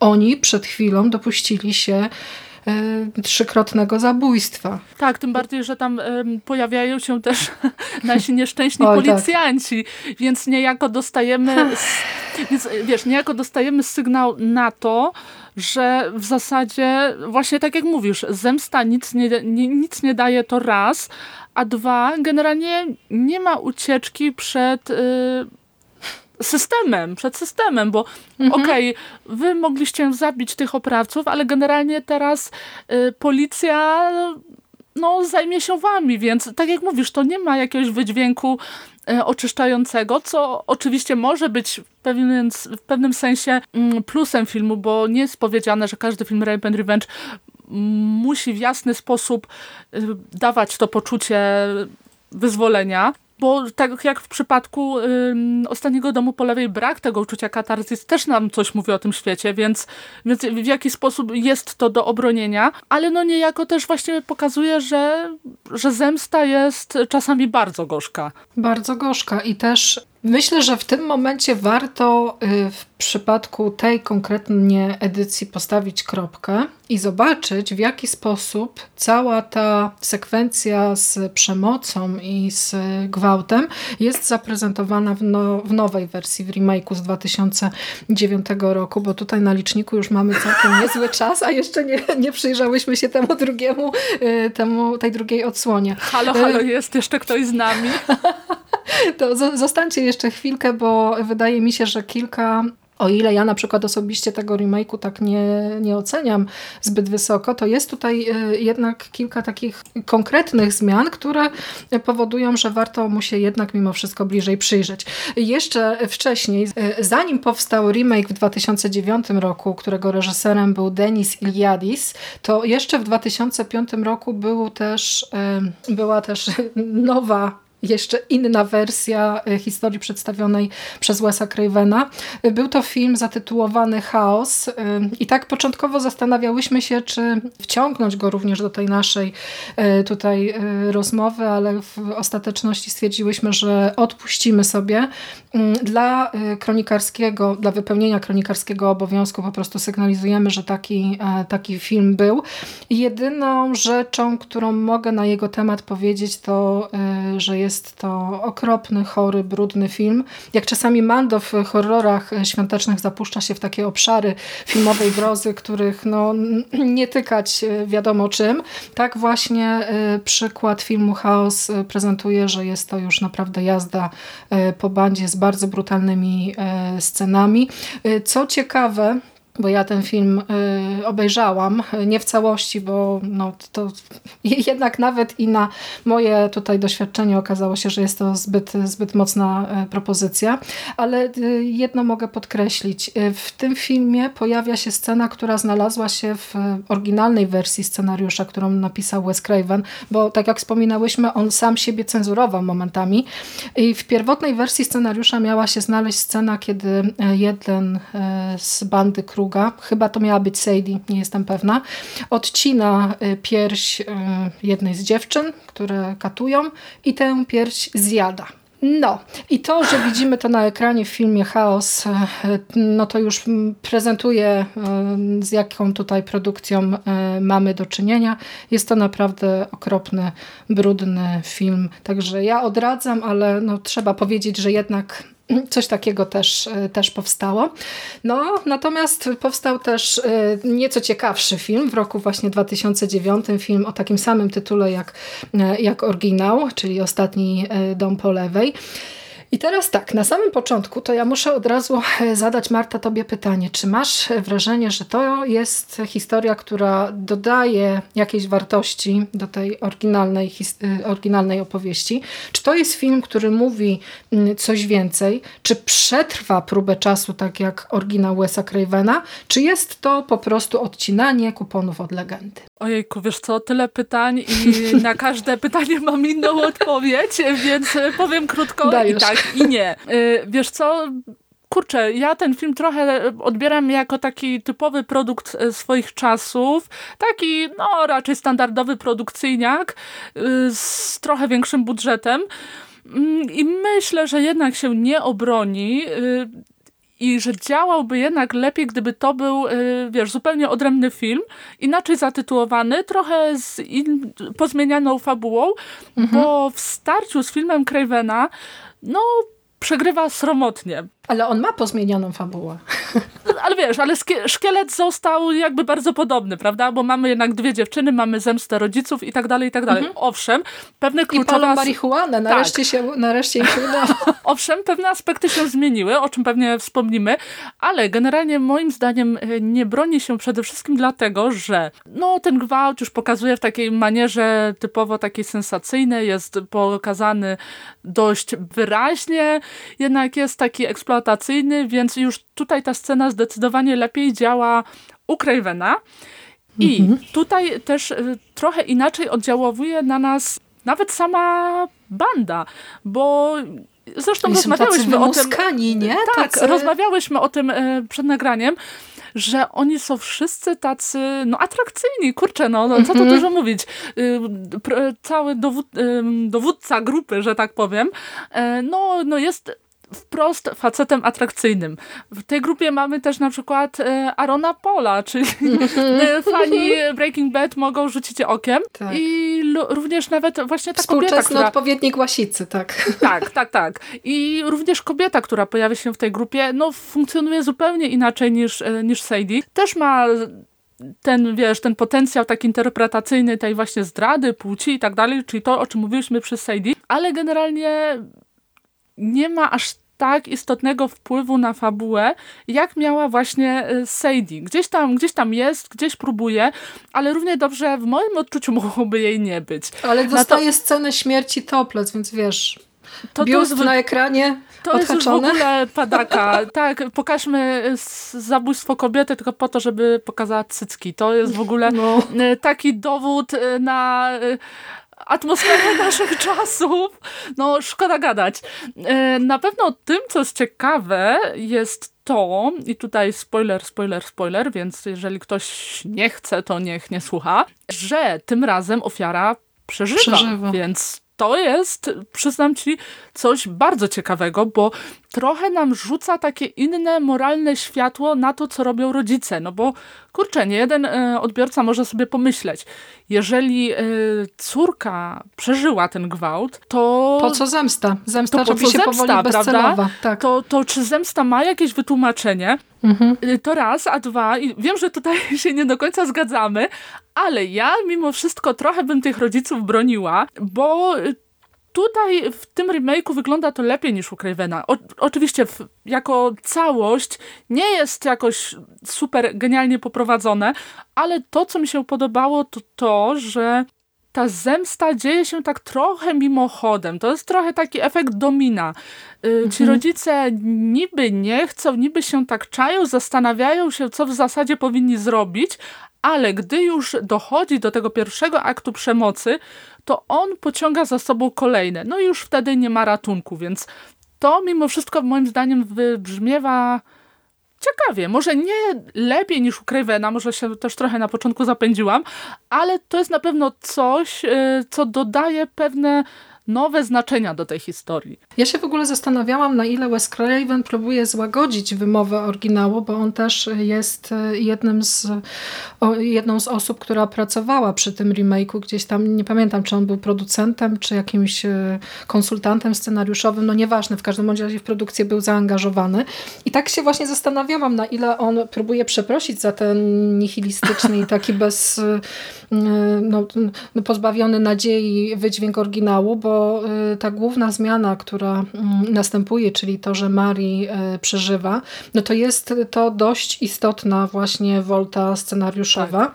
Tak. Y, ale też wydaje mi się, że ta nowa wersja Ostatniego Domu po lewej jest również znakiem czasów, w których ten film powstał, bo mamy tutaj już właśnie opowieść, która trochę, o, trochę ociera się o slasher, no bo te tak. zabójstwa tak. też są właśnie takie bardzo mocno przesadzone. Mamy taką przemoc kreskówkową, też y, wręcz i ocierającą się o coś, co się ociera o kamp.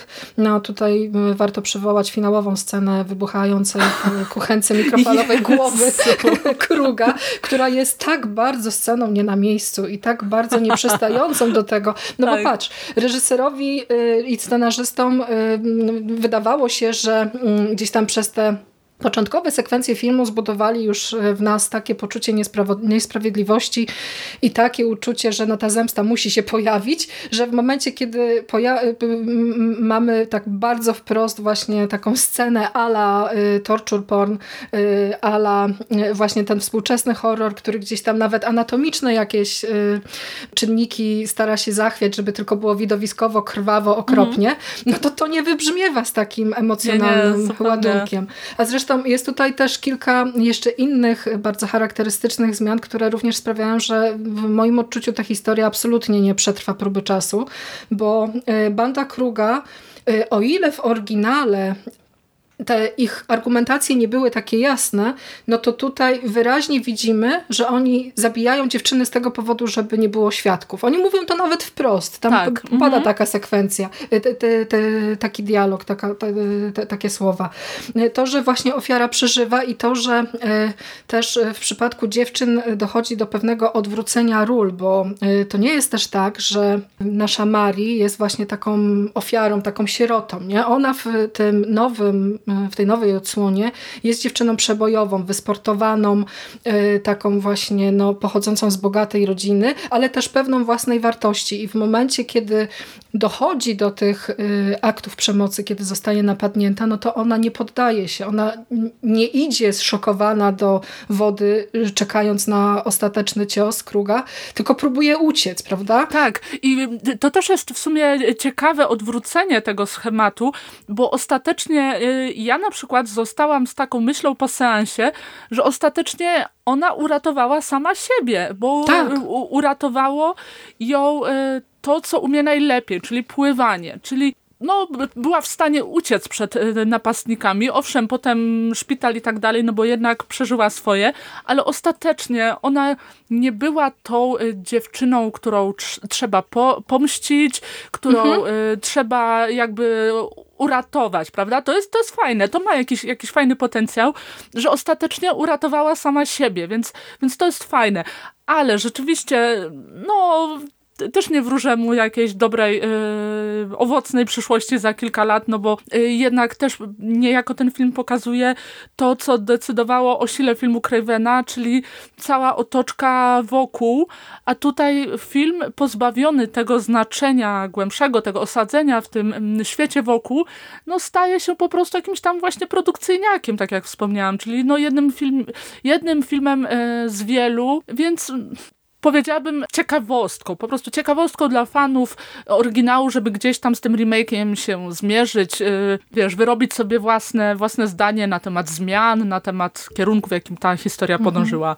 Ale to też jest bardzo ciekawe, jak tutaj mamy do czynienia z takim właśnie rasowym spektaklem radosnej przemocy, bo ta finałowa, y, finałowa, mm, finałowe starcie Kruga z mm, tatą Marii, no to też y, trochę mi się skojarzyło to z takim kinem właśnie y, akcyjniakowym, bo oni tam tak. przecież bez, bez koszulek gdzieś tam paradują, rzucają jakieś one-linery i to wszystko Ale jest właśnie... Ale w końcu równość na gości. Faceci też paradują bez koszulek, słuchajcie, nie jest źle. Ale też jest tam jeszcze jeden właśnie taki element, który mnie akurat osobiście bardzo mocno zszokował, bo y, to też jest taka trochę teza, dość niepokojąca w moim odczuciu, bo y, przeżywa również Justin czyli odpowiednik juniora. Syn Kruga żyje e, w finałowej sekwencji i on e, jako właśnie taki odkupiciel i ta osoba, która próbuje naprawić e, błąd, naprowadza jakby rodziców Marii na to, że to no tak, to, mhm. to, to, ta ekipa zrobiła jej krzywdę, ale wydaje mi się, że te, też, że ta teza, która brzmi, że w przemocy jest pewnego rodzaju odkupienie i szansa na zbudowanie wszystkiego od nowa, tej relacji od nowa jest chyba dość niepokojąca e, mimo wszystko, ale to też nie jest tak, że, bo początkowo myślałam o tym filmie w kategoriach opowieści, która jest gdzieś tam e, pozbawiona tych politycznych e, naleciałości i skojarzeń, ale to nie jest jednak tak, bo jakby tak po, po, pomyśleć, mamy rok 2009, czyli w Ameryce trwa co? Wojna z terrorem. Y, do pewnego stopnia mamy tutaj też właśnie obraz y, tych czasów, czyli czegoś takiego, że jest... Home invasion, prawda? Home invasion. Przychodzi do nas ktoś obcy, kto robi tak. nam krzywdę, a na przykład matka robiąca gorącą czekoladę staje się takim, taką figurą właśnie y, obrończyni tego ogniska domowego. Tam też jest y, również położony akcent na to, że y, Marii miała brata, więc te relacje rodzinne, nawet, nawet na zasadzie takiego mikroszczegoliku. Tutaj mamy właśnie naszyjnik z napisem, że tam od brata, a w wersji Cravena była pacywka, nie? czyli to już też rzutuje nam zupełnie inne y, spojrzenie na zawarte treści. No ale tutaj właśnie przychodzi obcy i my y, musimy bronić tych właśnie konserwatywnych amerykańskich wartości i musimy być gotowi na wszystko, więc to nie jest tak, że ten film jest Rzeczywiście, kurde, krótki. rzuciłaś mi nowe światło na ten film. A ja go tak. krytykuję. Także moi drodzy słuchacze, jak widzicie, można się zaskoczyć nawet nagrywając podcast. No to tu i tak mam wrażenie, że nie wyczerpałyśmy w ogóle tutaj jeszcze tematu, ale to są właśnie takie filmy, które do pewnego stopnia e, no, można analizować właśnie w oderwaniu od tego pierwotnego e, efektu szoku, który e, wywoływały. Także dawajcie nam koniecznie znać w komentarzach, która wersja jest lepsza, czy widzieliście oryginał Wes'a Cravena, czy też uważacie, że jest to no, pewna przestrzeń do dyskusji na przeróżne tematy, czy może jednak ta e, nowa opcja e, widowiskowej przemocy i wybuchającej głowy zrobiła na Was e, lepsze wrażenie. Marta, kurczę, ja już chcę się wyprowadzić z tego ostatniego domu po lewej. Naprawdę tak, od... Warto o. jeszcze dodać ciekawostkę z planu, że spotkałyśmy się po raz drugi, ponieważ pierwsza mm -hmm. wersja nagrania się nie zapisała. Także moi drodzy, jak widzicie, jak słyszycie, długo siedziałyśmy w tym domu, ale w końcu się z niego uwolniłyśmy. No i co? Zapraszamy za miesiąc, prawda? Wtedy się dopiero będzie działo. Tak, wtedy już właśnie te, te, to odczucie oczyszczenia, które y, przyniosą kolejne filmy, będą, będzie już bardziej wyraziste, bo za miesiąc przyjrzymy się kolejnemu klasykowi nurtu Rape and Revenge, czyli e, filmowi Pluje na Twój grób i tak jak nas prosiliście w komentarzach, my oczywiście będziemy te współczesne wersje, te remake'i y, też omawiać, także tak jest. bądźcie czujni. Dziękuję Ci Marta za dzisiaj. Dziękuję Bogusia i do usłyszenia, kochani. Trzymajcie się, oglądajcie dobre filmy. Oglądajcie dobre filmy i do usłyszenia następnym razem. Cześć. Hej!